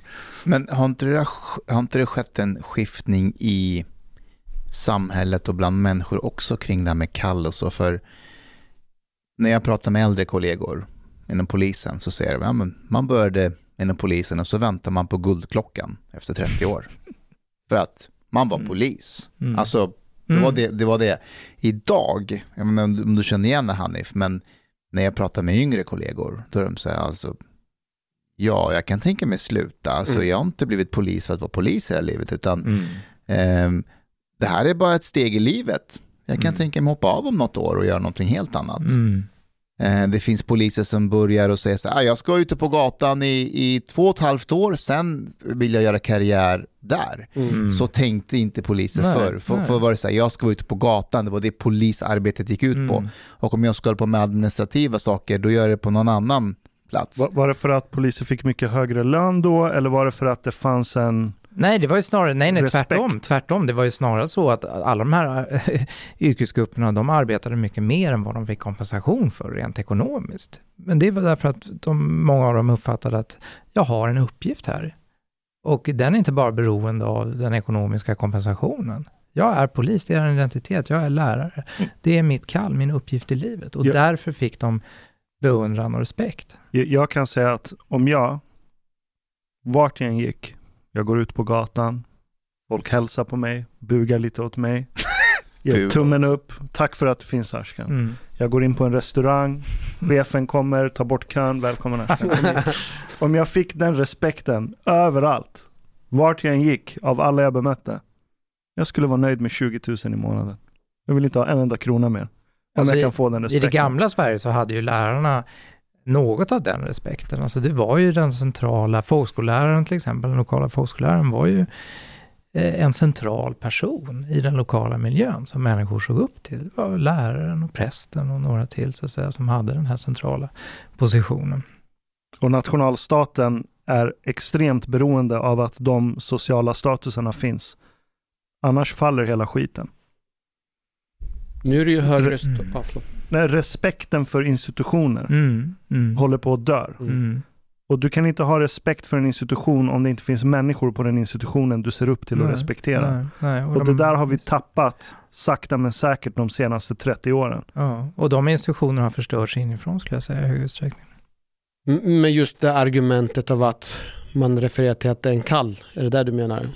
Ja, att man, att man övergav det synsättet i hög utsträckning och man lyfte in det som kallas för då New Public Management-principer då, alltså eh, styr och ledningsprinciper från eh, näringslivet och lyftes in i offentliga verksamheter som skola, polis och sjukvård. Och det blev mer som vanliga jobb, vilket jobb som helst. Och det var med fackföreningarnas goda minne i väldigt hög Mm. utsträckning. Och de som förlorade på den utvecklingen, det var ju yrkesutövarna. När började den här förflyttningen? New Ja, Public det är ju Management? Från, ja, från eh, sent, eh, sent 60-tal framåt skulle jag säga. Men är det en del av det här, är det var för att det var mätbart? För att en del av verksamheten, polisarbetet, eh, sjukvården, skolan, Mm. det går inte att mäta. Alltså Nej, riktigt polisiärt arbete, det går inte att mäta. Eh, när jag har två timmar när jag pratar med en, för, när jag är hemma hos en förälder, ger stöd, träffar en ungdom och pratar. Det går inte att mäta, det går inte att se något resultat. mm. Men vi har tillsatt olika eh, polisledare, chefer som ska visa eh, resultat för politiker. Och politiker använder det här som ett verktyg för att kunna själva bli valda. Och när man inte kan visa den här typen av resultat, då försöker man fiktivt skapa de här olika typerna av måttet. Och inom polisen så hade man bland annat till exempel att man ska göra antal blås, det vill säga att Mm. man ska Mm. gå ut och kontrollera hur många nykterhetskontroller man gör. Och så ska man redovisa det till sina chefer Mm. och cheferna ska visa det uppåt och ju fler redovisningar man har gjort desto bättre är man som chef och då kommer man bli prioriterad högre upp, högre upp, högre Mm. upp. Det här Exakt. problemet har vi haft i Exakt. Sverige. Och det är ju ett sätt att proletarisera polisen. Ja. Att, att liksom göra den eh, till någon slags industri. Mm. Och så var det med polisen, så Mm. har det varit inom skolan på Mm. samma sätt. Och Läkaryrket. Ja, Yes. allting. Men jag uppfattar, rätta mig om jag har fel, att man försöker frångå det här för att man insåg att det här var ju katastrof. Det var ju katastrof för verksamheten för att Mm. det är inte så vi vill bedriva eh, polisarbete. Och inom polisen, hos oss var det flar, då tog man bort alla de här målen. Mm. Eh, och nu när vi fick Tornberg så pratade han om det du pratar om hela tiden, det är att polisyrket är någonting som är meningsfullt, Mm, det det är är, det bland det, Det är finaste uppdraget. Mm. Han har återgått tillbaka till den är här, här som du pratar om. Mm. Visst, men jag tror att det är ett problem om man har, om man har tränat då poliser och lärare i ett visst paradigm så att säga, så är det inte så lätt att bara, Nej. överge, det, eh, bara överge det och säga, men nu ska vi ut, arbeta utifrån ett kall igen. När man har lärt sig att arbeta efter piska och morot. Mm, så att mm. säga. Speaking about the value of service and what people are ready to to pay for, did you did you follow or are you following Twittergate right now with Elon Musk? Twittergate. Oh, well, that he he wants to like make it um, uh, to make a subscription uh, monthly for people to get this blue blue tick badge. Ja, precis. Jag, precis. Jag sitter och överväger om jag ska betala för min, för min blåa. Uh, and it, and it's inte. interesting to see like there are a lot of people who are really upset that why would I pay for this? Uh, like you're not supposed to pay for service, and and I like that Elon Elon Musk have have gone a bit Arab Because first first he's like. I want twenty dollars for Ja, this. exakt. Ja, just det, then, then Stephen King, Exakt, like he posted twenty dollars. I'm not Ja. going to pay twenty dollars. And then Elon Musk replied to him, Eight "Okay, dollars." how about eight? Will you pay eight then?" Ja. Men jag fattar inte varför Men man ska vad ha menar den här med det då? blå. Vad, vad like um, uh, it's it's like uh, again how come because Twitter is supposedly something that's very very valuable for a lot of people and w- why is this backlash uh, when it comes to like oh, paying for for this service uh, people don't seem to think it's worth it Mm. Förlåt, men vad är det för service? Att få en blå grej, vad innebär det? Det är, en, det är en garanti på att du är den du påstår att du är. Mm. Så du är inte ett troll. and you will get about it. advantages also like och vad, som vad då? Uh, like um, priority in searches, you will maybe Ah. get uh, get more reach, things like this. You know, Okay. uh, ability to to uh, post like uh, longer videos, uh, things Jaha. of the sort. Gratis Foodora hem. Ja men det köper jag, alltså Ja. om det är gratis. Nej men om det är så att man kommer, alltså att man får lite extra, men om det bara är en blå grej som visar att det här är jag, Mm. då behöver Stephen King eller vilka de Men i är. praktiken har det ju utvecklats till att de som har en sån här blå checkmark då, de, de hör till eliten på Twitter. Mm. Så att säga. Det är ju det som det här handlar om egentligen. Det är därför mm, folk vill ha en sån här blå då, för att man anses vara lite... Lite finare. ans, av andra då anses... Och det är väldigt godtyckligt vilka som får den. Ja, Ja, precis. Ja. Det har dykt upp lite Kan man, hipp som happ. Sådär. Mm. kan man säga att vi alla andra är lite grann som fodora människor Mm. Ja. Men jag ser inte riktigt relevans för vårt samtal kanske. Jag vill Ja. inte låta som Stefan Sauk. I just want to talk about it. Ett ämne som jag har sett dig vara väldigt eh, aktiv inom, det är svenska skolan. Mm. Precis, Och- jag har forskat på det här i åtta års tid nästan. Och Svenska skolans förfall. ja, och, och det... Jag håller med dig i att det är ett förfall. Samtidigt som jag tycker att svenska skolan är förlegad. Mm. Kan du hjälpa mig hitta ro?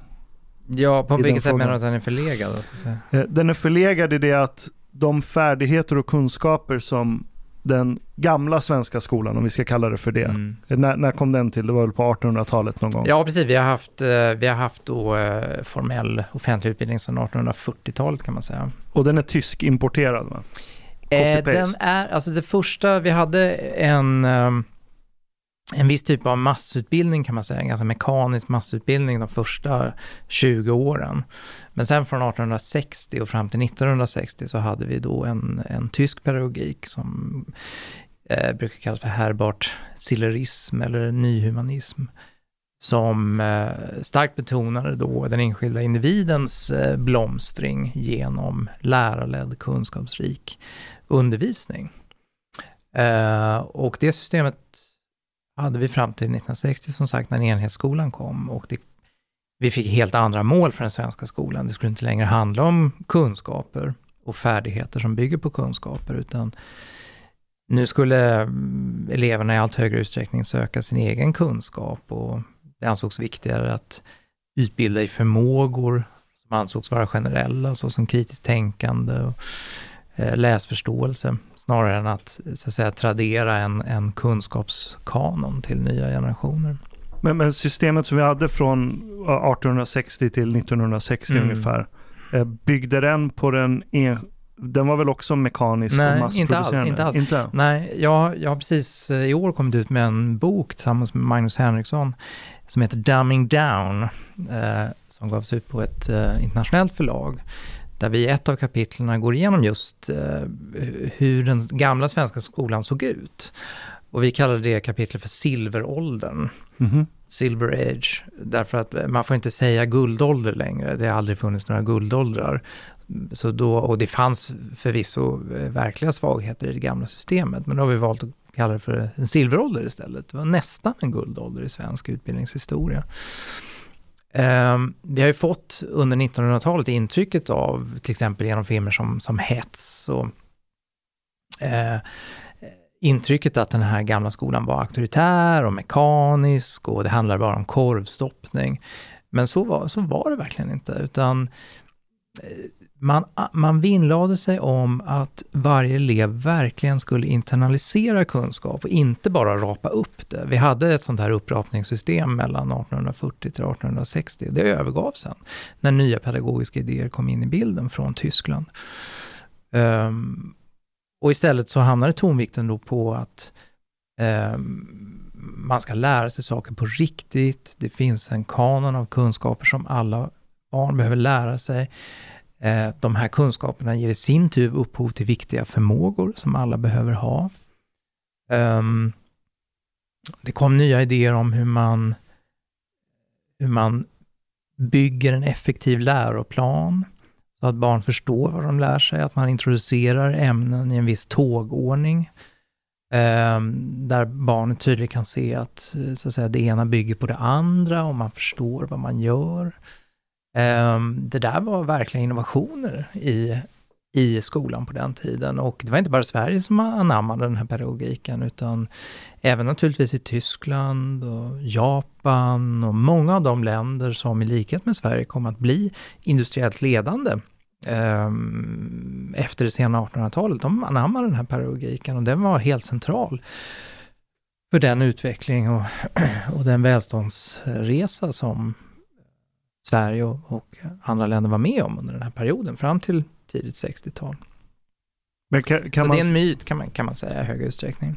kan man dock säga att det finns en viss komponent av massproduktion i det för att alla eleverna till syvende och sist lär sig ungefär samma sak? Ja, fast det är inte massproduktion på det sättet, utan eh, man lär sig samma sak därför att det finns ett stort värde i att alla elever lär sig samma saker. Eh, man kan kalla det för Ja, en, alltså en gemensam kunskap. Vi kallar det för communal knowledge i, i boken, men ett, ett välfungerande samhälle bygger på att vi har gemensamma referensramar Precis. och att vi kan prata med varandra. Att vi, vi, vi har vissa grundkunskaper, så att säga. Det, och om man inte har dem, ja då är man en outsider i sitt eget samhälle. Ja, och, och det är precis den aspekten Mm. jag ville komma till. Mm. För jag tror att den är väldigt bortglömd idag. Mm. Att skolan är inte bara ett ställe där du ja, men får kunskap så att du kan söka ett jobb. Nej. Det är ju också en, i god bemärkelse, indoktrineringsanstalt som skapar en gemenskap i nationen. Ja, alltså jag tycker indoktrineringsanstalt leder ju tankarna fel, men det är helt klart en institution. Om man ska vara krass. Det är en institution där man blir en medborgare. Precis. På riktigt. Ja. Och om vi kollar på hur det ser ut idag. Mm. Vad är det största som skiljer sig med skolsystemet vi ser utspela sig just nu i Sverige jämfört med den här modellen som verkar ha fungerat? Mm, mm. Ja, vi har ju en enorm fragmentisering i det svenska skolsystemet. Och um, den bygger ytterst på att vi har en helt annan kunskapssyn idag än vad vi hade i den, i den gamla skolan. Um, vi har sedan ja, 60-tal i allt högre utsträckning anammat ett eh, postmodernt synsätt på kunskap som går ut på att eh, ja, men det finns ingen objektiv kunskap som på ett legitimt sätt kan överföras från lärare till elev. Eh, utan alla försök att göra det, det riskerar att bli ett övergrepp på eleven. Därför att vem kan säga vad som är kunskap? Och kunskapsbegreppet och sanningsbegreppet, det är korrumperat av olika politiska intressen. Så därför måste ju då läraren ta ett steg tillbaka och eleven får själv välja vad han eller hon är intresserad av att lära sig och gärna bygga på sina personliga livserfarenheter då. and reach their own truth. Ja, exakt. Exakt. Va? Eh, och så har det blivit då. De, läroplanerna har blivit allt mindre detaljerade och det har inte funnits ett intresse från statens sida att alla ska lära sig samma saker, utan det har varit en enorm individualisering av, eh, av eh, utbildningen. Alla ska göra sin egen utbildningsresa. eh, och sen har det också tillkommit då en marknadisering av systemet som gör då att en väldig, eh, ja en mångfald av skolor kan man väl säga då, som har lite olika profiler och sådär. Så att det, man går inte i ett gemensamt skolsystem. Och det kan ju finnas problematiska aspekter. Det också. Som, Ja, just, just det här att man inte är en del av samma system, om du förstår vad jag menar. Att man inte är del av den, den eh, allmänna skolan, så att säga, där man blir då en, en medborgare, så som var tanken i det gamla systemet. Utan eh, det har kanske blivit, genom friskolereformen, eh, en större betoning på just individens intressen, så att säga. det här har jag tagit upp tidigare också vad det Mm. gör när man när det finns så många olika typer av skolor så kan Mm. ju många föräldrar välja bort Mm, ett visst synsätt. mm, Alltså om man har en utländsk bakgrund och inte gillar till exempel de svenska värderingarna, svenska synsättet så kan man välja bort det svenska genom att välja liksom till exempel en annan profil, Mm. islamisk mm, profil. Mm, jo, absolut. och Det vilket också verkligen- bidrar till segregeringen. Absolut. But, it, but isn't like still it's very different here in Sweden even if like it's it's so to speak a private school it's not really a private school because like in other countries you can have a private school where basically the school is totally in charge of what they teach the children Mm, mm. Eh, men Så vi det, har inga friskolor i Sverige Ja. per definition. Ja. För att det du, finns de läroplan måste och- hålla sig Nej, precis, Mm. precis. Men det är ju en viktig, för att ett sånt här system ska kunna fungera med skolkonkurrens så är det viktigt att det finns en nationell läroplan så att staten kan utvärdera vad ägnar sig skolorna åt? Eh, levererar de en bra och effektiv undervisning? Men problemet är att vi har ju inga sådana styrdokument på riktigt. Vi har det i en formell mening. Men om man läser dem så finns det ju i praktiken väldigt lite instruktioner om vad skolorna ska lära eleverna. För att staten vill avstå från att definiera det. För att staten anser inte att det finns en kunskap som kan överföras från lärare till elev. but, but uh, Man låtsas att man tror det, men i verkligheten gör man inte det. But this is a bit confusing though because like when it comes to exams Mm. aren't they set on a national level so can't the, the results of these exams be be well the the standard by which you evaluate whether the children nej, have nej, så är det inte. Alltså de nationella prov vi har, de, de ska helst inte vägas in. Resultaten på de nationella proven ska, det finns ingen krav på att de ska vägas in i betygssättningen. Gör det inte? Det är så. Fast- Is this true? Ja, ja. Fast Ja, det Så var det för mig, Fast eller det det sa var- läraren i alla Ja, fall. men det Alltså- finns i alla, det poängen är just det här att det finns inga krav om det. Det kanske Ah. görs det, på, det kanske, så kanske det är på enskilda skolor, men det finns inget krav om att de här ska vara, eh, ligga till grund för betygssättningen. Ja, Absolut. för mig var det snarare tvärtom att det nationella provet var ju riktmärke kring vad man skulle få för betyg. Mm. Alltså att om Mm. du kunde ha presterat väldigt bra Mm. på ett ämne men presterar du på nationella provet då var det svårt för läraren att kunna motivera att sätta högt betyg. Ja, så var det för mig med. För, att, Ja. eh, för att den var så... Och, När gick du i skolan för fråga? Ja, det var länge sedan. För att det fanns tidigare, det avskaffades på 90-talet, men det fanns något som hette standardprov och centralprov. Och de var mycket mer bindande. Och där var det till och med så, om jag minns rätt, att läraren var tvungen att skriftligen förklara varför han eller hon ville sätta ett betyg som kraftigt avvek från resultatet på det här Mm. provet. Men det där avskaffades ju i samband med eh, ja, marknadiseringen och decentraliseringen av det svenska skolsystemet på 90-talet. Och istället så fick vi eh, nationella prov som under lång tid inte alls eh, var bindande eller utfördes på ett seriöst sätt. Det är först nu som de har blivit lite mer konkreta, men så vitt jag förstår så finns det inget krav om att eh, det ska användas som underlag till betygssättningen. Och det är ju ett exempel på den här fragmentiseringen som jag pratar om. Det finns väldigt lite av centrala regler för vad skolor ska göra och det är ju ett jättestort problem. But uh, like uh, I'm a bit ignorant of the school system here mm. uh, but like you don't have like national tests on each subject Nej, det är vissa ämnen, vissa ämnen det. So, for example, when it comes to like um, in Egypt, there is like uh, you know when it comes to biology, math, whatever, there is Mm. a national exam for all schools that you have to take. It's a standard exam, Mm. and then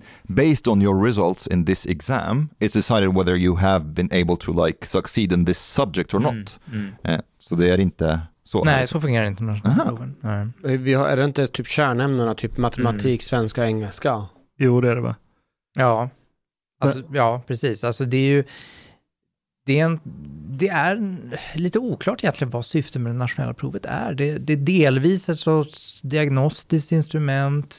I vissa skolor används det delvis som betygsgrundande. Och det, ja, det är i alla fall min uppfattning att, att syftet är inte helt klart definierat faktiskt. Vi har ju ingenting som liknar så att säga de avgångsprov som finns i vissa länder. Till exempel i Danmark då så får man ju ta då ett avgångsprov. Man slutar skolan som visar vad man faktiskt har lärt sig då. Eh, vi hade ju liknande avgångsprov i Sverige på gymnasiet fram till 1968. De försvann då. Sen. Varför? Ja, därför att um, tidsandan var sån att, att man var emot och betygssättning och prov och, och sådär. Det ansågs förlegat. En del av det gamla Sverige man vill lämna bakom sig. Jag, jag har en take som jag vet att ni kommer säkert ge mig skit för, men jag håller med om att det inte finns någon objektiv kunskap som läraren ska överföra på kidsen. Jag, Mm. jag tror inte på objektiv kunskap för att det finns ingen eh, objektiv observatör av verkligheten. Mm. Eh, däremot, med det sagt, för jag men, ta så här historieundervisningen i svensk Nej, nej, skola. nej. Ta, ta matematik. Mm. Matematik det är ett verktyg som kan producera kunskap som är mer värdefull än annan kunskap i vissa situationer. Om jag ska räkna ut hur jag kan få en raket att landa på månen Mm. så visar det sig gång efter gång efter gång att matematik verkar alldeles utmärkt. Men det är objektiv kunskap då? Mm, Objektiv how i vilken to- bemärkelse? Well, the, there is like uh, when you have knowledge to how to build like a, a rocket, for example, you cannot say I have a subjective like um, view of how to like build this rocket. You have to have the knowledge, an objective knowledge to be able to build that rocket, for example. Nej. Man kan How väl, come? säga, man kan väl Nej. säga så här, alltså, Well, if I if I if I say, for example, I want to in, instead of putting fuel, Nej, water. vänta. Vi, vi pratar förbi varandra. Okej, Okej, ja. Så om jag använder matematiken som verktyg så kommer inte jag matematiskt kunna visa att vatten är bättre än eh, rocket fuel. Ja. Så om jag förhåller mig inom spelet som vi kallar för matematik och de reglerna så kommer jag producera mycket bättre kunskap för jag kan få en raket att landa på månen. Än om jag använder, vad vet jag, astrologi eller mediterar på utmaningen.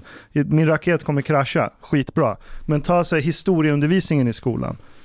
Det Historia är inte alls någon sorts objektiv kunskap. Nej, det köper Det jag. är absolut inte Det är objektivt för väldigt fem öre. Historia, Vad är det ja. vi har lärt oss i skolan? Att först var människor dumma och trodde på Gud och sen uppfann vi fabriker och nu är vi på väg fast mot... det är klart att... Det är därför vi har Fast det är- Foodora idag. Fast Det är för lite, historieskrivningen i skolan. Fast det är ju klart att till exempel kungalängden i Sverige är objektiv kunskap. Det, det har ju faktiskt hänt. Vi vet mellan vilka år olika kungar eh, var regenter i Sverige. Men, Sure, ja, men absolut. det vet inte de Ja. flesta barn. Men, För de men den kunskapen. Men får jag bara säga att Ja. jag håller delvis med dig, att självklart det som vi kallar för kunskap, vi kan ju inte vara säkra på att det är en, en, en faktisk omedelbar avspegling av verkligheten, utan man får ju säga att det här är vår, vår best guess Yes. utifrån de empiriska bevis som vi har samlat in i vetenskapliga processer. Men det är en diskussion som är intressant att föra på universitetsnivå, men man kan inte föra den diskussionen i grundskolan. Helt med där dig. måste man säga, det här är vad vi vet, det här är vad du behöver lära dig. Det här är det som är sant Ja, det här är det som är tills sant. du kommer till universitetet. Ja, ja. Nej, men jag tycker själv att postmoderna teorier och, och synsätt kan vara oerhört intressanta och fruktbara. Jag har själv använt dem i min egen forskning. Men de har absolut ingenting i grundskolan. Jag håller med 100% och det är själva min poäng. Att jag vill återuppväcka idén om Mm. att skolan är en, okej, indoktrinering är ett farligt ord att använda. Det är en medborgarproduktionsanstalt. Ja. Varför måste du säga ans? För att det är det. Det är en anstalt. Du, du tving, med våldsmonopol. He was not against was against anstalt. Nej, men jag invänder mot indoktrinering för, förut. Ja men vi använder ju våldsmonopolet och tvingar dit barnen, annars hamnar föräldrarna i fängelse. Ja. Det är skolplikt. Kom igen, det är en anstalt och det är fine. Fast i Du- verkligheten Du så. måste producera medborgare på ett sätt om du ska skapa sammanhållning i en Mm. nationalstat. Där vi är Mm. för många. Mm. Vi är miljontals. Vi är för många för att ha koll på vem som är en av mina och vem som inte är det. Mm. Så då måste du i, på en anstalt massproducera medborgarna. Så att jag snabbt Ja, kan identifiera ja. friend from foe. Nej, Du måste ha det för sammanhållningen. Ja, ja, sammanhållning, men det handlar Sammanhållning. inte om att eh, det här du säger att identifiera de utomstående, utan det handlar om att Det är en grov förenkling. Och ja. dessutom handlar det inte bara om den nationella kontexten, utan det handlar också faktiskt om den bredare västerländska kontexten, skulle jag säga. Absolut. Den västerländska civilisationen. Och vi, det är ju vår, om vi vill att den ska överleva, då måste vi introducera våra barn i den. Yes. Och eh, annars kan ju de inte föra den vidare, de kommer inte kunna utveckla den. Um, Hanna Arendt har skrivit om det här att skolan är den plats där vi liksom bjuder in de nya liven i den gamla världen, så att säga, där vi, där vi så att säga, bjuder in dem i den, den gamla världen. Och det där tycker jag är väldigt Medborgarproduktion. fint. Ja, jag tycker du har ett lite snävt synsätt. Liksom. Det handlar inte enbart om svenska medborgare, det handlar om en, gemensam, en, en, så att säga, en, en kropp av kunskaper som är gemensam i, i hela västvärlden. Hela västvärlden, Mm. där är jag också med dig. Och, och, och där, det är i den aspekten som jag menar att skolan måste bevaras. Och vi måste Mm. tillbaka till den gamla skolan. Ja. För att den funkar för att lösa det problemet. Mm, Att vi behöver skapa sammanhållning där människor kan prata med varandra mm, och känna att de är en del av en större gemenskap. Det får du via det systemet, det är Mm. utmärkt. Men länge har ju skolan också varit en diplomeringsanstalt också.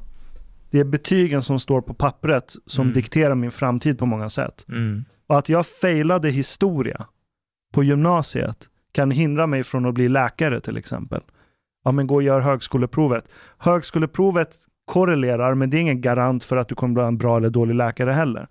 Så det är väldigt trubbigt mått på vad du är kapabel till och vilka talanger du har. mm. Själva betygssystemet. Och idag, kollar du i näringslivet, det är allt Ja, i färre. alla fall som det är utformat idag. Idag säger ju betygssystemet i Sverige ingenting Det säger om ingenting. Vad, vad eleverna faktiskt har lärt sig. Eh, dessutom så har vi en stark betygsinflation som dri, dri, är driven av skolkonkurrensen.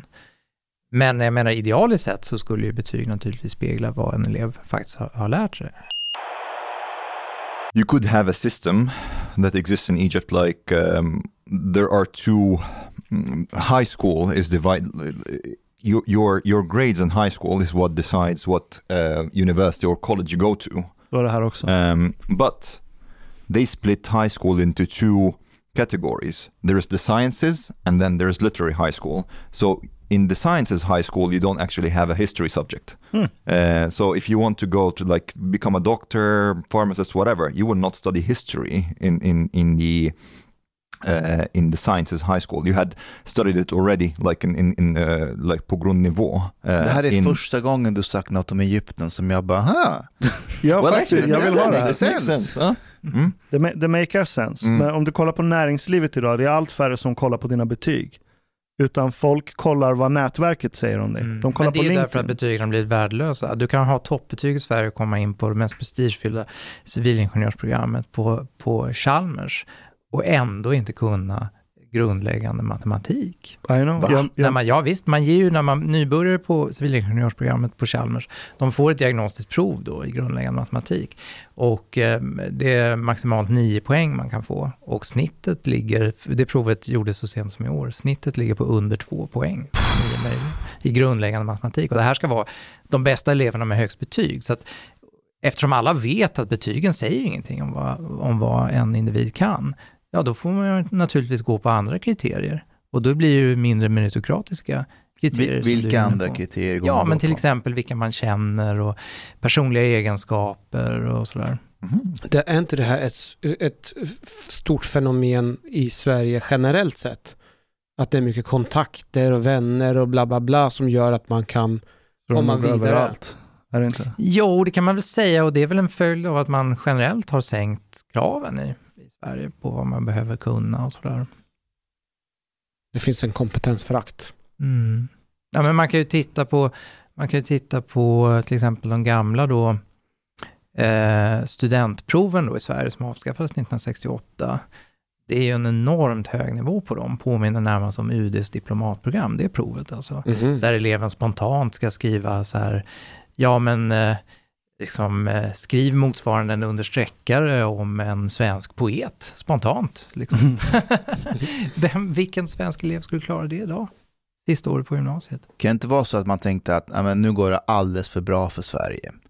Nu kan vi inte fortsätta Man kan väl säga så här att det går så bra för Sverige att vi behöver inte de gamla kraven. Det är väldigt intressant att det finns ett starkt samband mellan välståndsutveckling och en minskad aptit på höga krav och hårt arbete. Ta det en gång till. Säg det en gång till. Jo, alltså när ett land får mer välstånd, och det sker ju oftast genom, det sker ju genom hårt arbete Ja. och att man, och akademiska ansträngningar. Men när man väl har nått dit, så att säga, då minskar aptiten på eh, att fortsätta att arbeta hårt och att barn ska fortsätta att anstränga sig i skolan. Och då blir en kultur och ett samhälle mer mottagligt eh, för då postmoderna synsätt att ah, det kanske inte är så viktigt det där med kunskap, kanske inte finns någonting att lära barn egentligen. Man blir liksom complacent kan man väl säga, this- för att this- använda ett engelskt begrepp. This is something that one can say it's reflected in history in general. Mm. Uh, like, you know, when generally speaking, when empires or, or states or whatever reach their zenith, ja, en dekadens Ja, kan man väl säga. that's ja. like, okay, we, Mm. we're there. We don't Absolut. need really to like work anymore. Ja. Varför det är bra att kunna historia. mm, Ja. Exakt, visst. Mm. Så att, eh, så, ja, så Jag där- såg eh, Kanye West hos eh, Lex Friedman. Och han menade att man skulle slopa historia helt. Stupa historia. Ja, alltså i skolor. Man skulle inte lära sig historia. För att? För han sa att det är onödigt. Vi ska skapa vår egen historia, sa han, framåt. Och då försökte Lex Friedman förklara att ja, men, du måste kunna historia för att kunna förutspå framtiden också. Och att Mm. man inte upprepar sina misstag. Mm. Vad sa han då? då? Han, men, jag kommer inte ihåg vad han svarade, men eh, Var det här Någonting före eller efter det här antisemitiska nej, det var under, mitt under det antisemitiska. Well, so, sometimes I'm thinking like all these people who are interviewing Kanye West. I don't know if it's morally okay because he's obviously unwell. So, so you're talking about someone who's a bit insane, Jag har också tänkt på det. right? Ja. And you're like, are you supposed really to give him that platform and like to show people what like the crazy things he's saying and so on? Jag vet inte. Men det är ju häpnadsväckande tycker jag att se och ett tecken faktiskt på en sorts dekadens tycker jag. Man kan se partiledare som ställer upp i eh, frågesportprogram i tv och inte kan säga om en kung levde på 1800-talet eller 1600-talet. Men varför är det viktigt? Jag fattar inte det där. För de här med kungarna, det tycker inte jag är så jätte... Därför du är polis. Nej, men Nej, men det är berätta om självklart- kungarna Det är för mig. självklart viktigt att man... ja, men kungarna, det är ju bara det är en markör, så att det är en tidsmarkör. Eh, Man behöver ju veta någonting om hur Sverige såg ut förr. Man behö- och då vet man ju rimligen vem som var kung då under den tiden. Det är ju, det är ju, det är ju så att säga ett, ett symptom kan man säga, eller en manifestation rättare sagt, av att man inte vet någonting om svensk historia. Man kan inte skilja på 1800-tal och 1600-tal. Och då, men man får ha en slags barfotakunskap om, om Sveriges förflutna. Well, I would say, generally speaking, especially as a statesman, it's it's very strange if you don't like. You need to know the starting point of your country and what kind of path your country has taken in order to be able to like lead Ja, the way jag, forward. jag köper det. Jag känner till Det Gustav är, viktigt, Vasa. det är till exempel jätteviktigt för dagens politiska beslutsfattare att förstå Mm. att Sverige har varit en enad nationalstat kan man säga faktiskt sedan 1200-talet. Ja.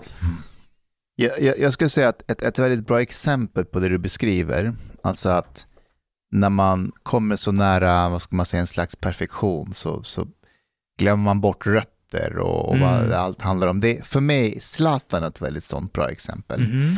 Ehm, Zlatan har ju alltid sagt att han älskar Sverige, han vill spela för landslaget, han är 100% svensk.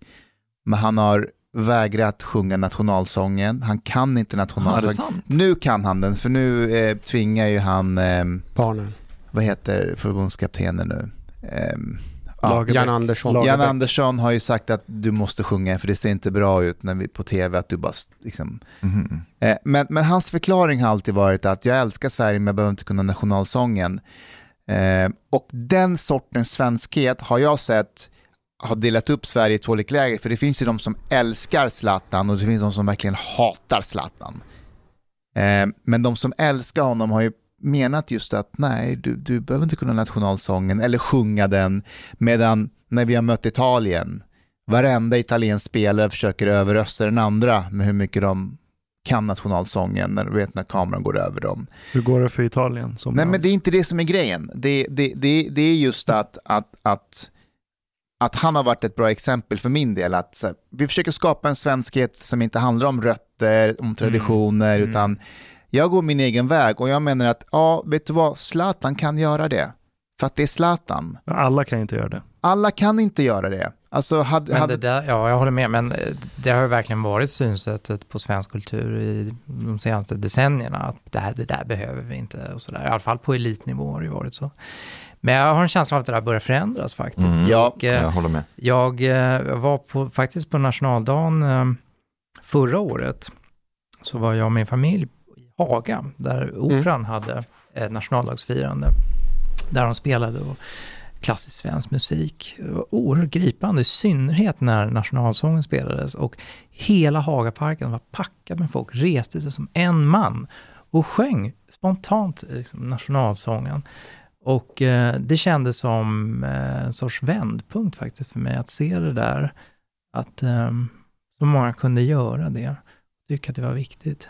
But but can't one say that in a sense? Och jag tror att det har att göra med liksom den, den ehm, eh, eller nej, det var ju nu i somras, alltså, det var ju efter den vår som vi har haft där Sverige har varit i ett oerhört hotat läge. Alltså. Mm. Yeah, but Då but, blir det där viktigare. mm. but can't one say that basically you need to have your identity or national identity questioned for it to be strengthened in a sense? Like um, maybe like Sweden right now, after like the waves of migration and so on, and people who have also like um, had contact on a national level with a culture that's totally different from yours, that you actually kind of get to realize what your culture actually is.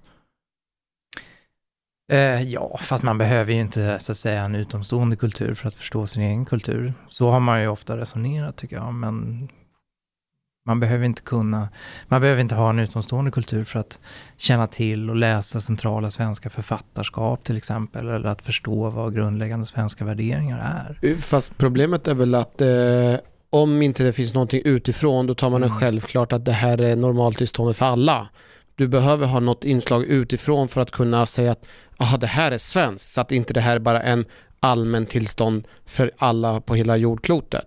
Jag tror, jag tror att man aldrig har tänkt så i Sverige, jag tror man alltid haft Inte. klara uppfattningar om, nej jag tror faktiskt inte det, var ganska klara uppfattningar om var gränserna har gått och vad som skiljer svenskarna från andra folk så att säga. Ja, men, men- men, men, i gengäld då så har det ju funnits, skulle jag säga, en, en sorts beundran för utländska kulturer som kanske inte riktigt finns i Sverige idag. Alltså det har funnits en sorts eh, nyfikenhet, en genuin nyfikenhet på Orienten och, och till exempel, bara för att ta ett exempel. Och, och det har framställts nästan romantiserande sådär. Men det där är ju helt borta idag i takt med att Sverige har kommit i kontakt med de främmande kulturerna Mm. och inte riktigt gillat vad vi, vad vi har sett. Mm. Får jag ställa en personlig fråga till Mustafa och Ashkan gällande nationalsången? Eh, när ni gick i skolan och fick lära er den här nationalsången, eh, sjöng ni den och kände, alltså sjöng ni nationalsången? Nej. Varför gjorde du inte det för? Ett, för att jag aldrig pallade lära mig den. För jag tyckte inte den var intressant. Okej Zlatan. Nej, men och, och jag, jag levde på internet. Jag kände aldrig någon samhörighet i Sverige då. Jag kände samhörighet till världen. Det, det var min värld. Okej. Så jag förstod inte så här, "Aha, nu råkade jag födas på en plats som heter så här och så här i den boken och på den kartan. Men vad, det har inte, varför ska det definiera mig? Varför ska jag vara begränsad av det? Okay, uh, Fast, fast, jag- fast vänta, vänta. Ja. Fast internet fanns ju inte när du kom till Sverige. Nej, men när jag fick ett medvetande och började utforska världen. Jag fick internet när jag var nio, 1994. Jag hade min egen dator med eget modem. Ja, exakt. okay, but I have a question. Have you changed your mind about this? Let's say, Ja, like if your daughter comes to you and says like exactly what you're saying right now, would you, what would you say? Men jag tror vissa människor är lagda bara åt att vara rotlösa och driva runt mellan olika sammanhang. Och det är bara så du är lagd. Mm.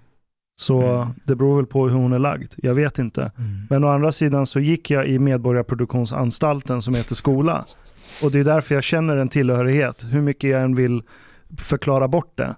Så känner jag en tillhörighet till västerländsk civilisation. Mm. Det är mitt hem. Mm. Det, det, är den, det är de värderingarna jag identifierar med. Mm. Det är de värderingar jag vill försvara. Annars har ju det där varit ett väldigt syn, vanligt synsätt även bland etniska svenskar då att ja, jag råkade, det var bara en slump att jag föddes här. Ja. Jag bara råkade födas här. Varför har jag något särskilt ansvar för den svenska kulturen? Men det, det är verkligen en missuppfattning skulle jag säga. Det är ingen slump att man föds på en viss plats.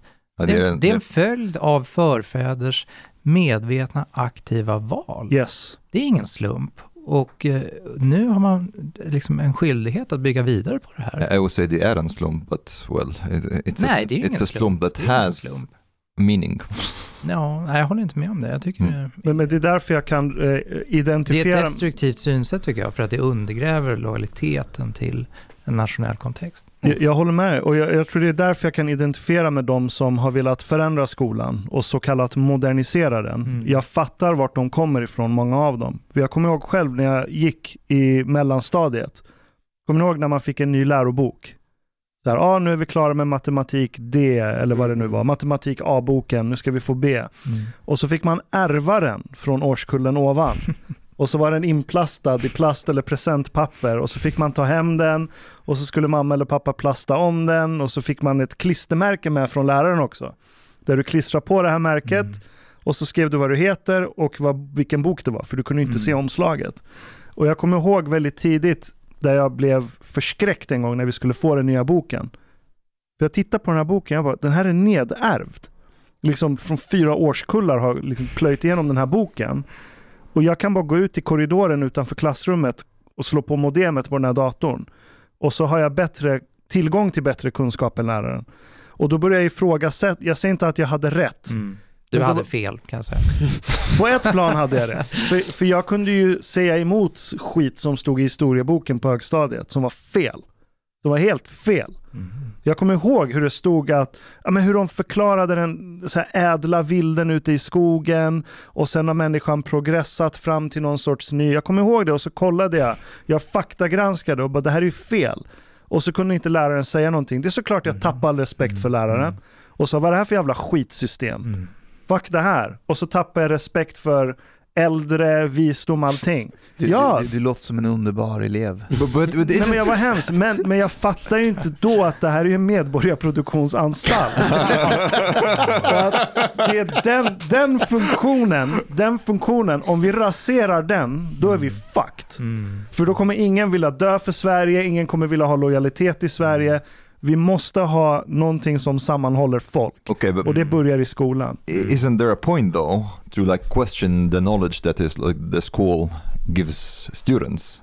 Jo, absolut, men hur, skulle, hur kan du ifrågasätta kunskap om du saknar kunskap? Yes. Yeah, but the, the, uh, history, for example, is a very good example because in Egypt, people think that Egypt won the Six Day War against Israel until today. In the Arab world, this is what they teach children. So they live in an alternative reality where we basically destroyed Israel in, in that in that war, even even though like we were basically humiliated totally. Uh, and and um, uh, this is what the schools basically indoctrinates children into. So if if like basically you are taking the whatever the school teaches you for granted, you couldn't be you could be vulnerable in Men- such. Nej, visst, men nu pratar vi om Sverige och väst, det västerländska skolsystemet i vid mening. Vi talar inte om länder som Egypten. Det är Nej, självklart att det är skillnad på propaganda och verklig kunskap. It's a shit country. Shithole country. but we don't we don't know how Sweden will be in the future. Nej, Mm. men faktum är att det finns en del oroväckande tecken på att eh, eleverna börjar få antidemokratiska attityder. För Mm. att de saknar kunskaper. Det är många, enligt World Value Survey till exempel, som föredrar eh, teknokrati framför en parlamentarisk demokrati, föredrar en stark ledare framför en demokrati och sådär. Alltså bland unga i Sverige. Mm, mm. Jäklar. Dark Ja. enlightenment intensifies. Läs, vår, läs vår bok Dumbing Down så har vi skrivit om Mhm. detta i kapitel 4. Det är absolut oroväckande och det intressanta är ju då att, menar vi då, att det, gam, det gamla skolsystemet som, som fokuserar på kunskap enbart producerade som en spin-off-effekt individer med hög integritet, med omdöme i mycket högre utsträckning än vad dagens skolsystem gör, som, som ju fokuserar just uttalat på att producera demokratiskt sinnade individer. Mustafa, Ja. nej, du svarar inte på frågan om... eh, Nationalsången. ja. Nej men jag kände eh, inte typ att jag är svensk och att jag känner samhörighet med, men jag tyckte det var väldigt häftigt. Mm. Eh, Så sjöng du den? Eh, jag, jag, ja, mer eller mindre. Men jag tyckte det var balt Mhm. att du är där och att alla tillsammans gör det här. Eh, jag tror inte någon visste heller vad det här var för, men det var någonting fint med att man var tillsammans där. Som på sommaren med blomstertiden kommer. Det var väldigt fint att alla gjorde det tillsammans. Det var något som att, ja, att man fick vara en del av det. Mm. Ja, det är syftet med nationalsången. Ja. Jag sjöng hela den, förutom den där delen där det stod att man skulle leva och dö i Sverige. I Norden. I, i Norden, ja. Mm. Intressant nog handlar nationalsången inte om Sverige, utan det handlar om den nordiska gemenskapen. Ja. Mm. Mhm. Där Sverige naturligtvis ska ha då en tongivande roll. Men det, det är Men det är en sorts, en pan, brukar kallas för liksom pan-nordisk eller pan-skandinavisk. Ändrade vi inte den i något sammanhang i SVT för något år sedan? Där de sjöng jag vill leva, jag vill dö på jorden. Va?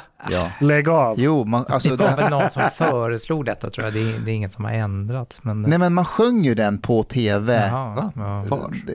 I- På SVT. Yeah, but which program or? Jag kommer inte ihåg om det var något SVT-program, Okej. alltså som all, du vet, det sändes Mm. för alla. Då sjöng man jorden. Ja. Men sen när jag skulle göra militärtjänsten, det var egentligen inte så många som kunde nationalsången. Nej. Det, är alltså, det, det, de flesta kan inte den. Nej. Det fick vi lära oss när vi gjorde lumpen. Folk tappar tilltro till institutioner. Men det är för att vi har slutat lära ut den. Om man tittar i gamla skolböcker från folkskolan, där finns nationalsången, kungasången med. Det förväntades att man skulle kunna detta, för att man skulle vara en del av en nationell gemenskap. Men då har jag verkligen häns, eh, vänt, som du säger, för nu, nu Ja. sjunger ju Zlatan nationalsången. Mm. Han måste det. Det var ett av kraven som Jan Andersson hade för att han ska komma tillbaka till landslaget. Mm. Really? Och i och med att han är väl 42 bass så har han inget val. Men jag tror inte det hjälper av att man lär barnen, alltså tvingar dem. För, för sen om de känner samhörighet med den eller inte, det är ju helt andra faktorer som avgör det. Och jag tror att det är skitmånga kids idag som genomgår ja, men det jag genomgick på- 90-talet för att av någon slump hade jag ett modem hemma. Så tror jag att de tittar på boken, på läraren och så bara, men jag har ju Google, varför ska jag behöva lära mig någonting? Och redan där börjar tilltron till auktoritet och institutioner att nötas bort. Ja, men det är ju därför att auktoriteterna säger samma sak. Du behöver Yes. inga skolböcker, du har Google, men du får, du får ett fattigt liv om du måste googla varenda sak du med. stöter på. But- but- Du skulle aldrig kunna läsa en roman och ta till dig liksom, de miljöbeskrivningarna eller historiska händelser som det anspelas på. Du måste hela tiden sitta med mobilen i handen, det är inget liv. But but Ashkan, you, you you have a point also, like because before there was some kind of monopolization of knowledge, um, but Yes. now like everybody has access to it, and which kind of like undermines authority Yes. in a sense. Nationalstaten behöver massproduktion av kunskap som massdistribueras till människor. Mycket Och- mass. Va? Mycket mass. Ja, det är massindustriella samhället som kommer från massproduktion. Och första massproducerade produkten i världen var boken. Sen handlar det inte om tvång heller, alltså att lära barn national, svenska barn nationalsången. Det är en inbjudan till att vara del av någonting större än, än sig själv. Som en så öppen anstalt. Nej, men jag menar, det, det där är ett väldigt liksom, modernt synsätt. Man ska inte Ja. tvinga barn till det ena och det andra. Liksom, det, det är en förväntan om att vi kan vissa saker i vårt land, gemensamma land. Och vi bjuder in dig till den gemenskapen. Det är så man ska se på det. Det är inget tvång. Hej på dig, min vän. Lyssna på mig nu. Du är mycket fin människa. Du har betalat biljett på klubbzista måltid. En mycket fin radioprogram i Sverige.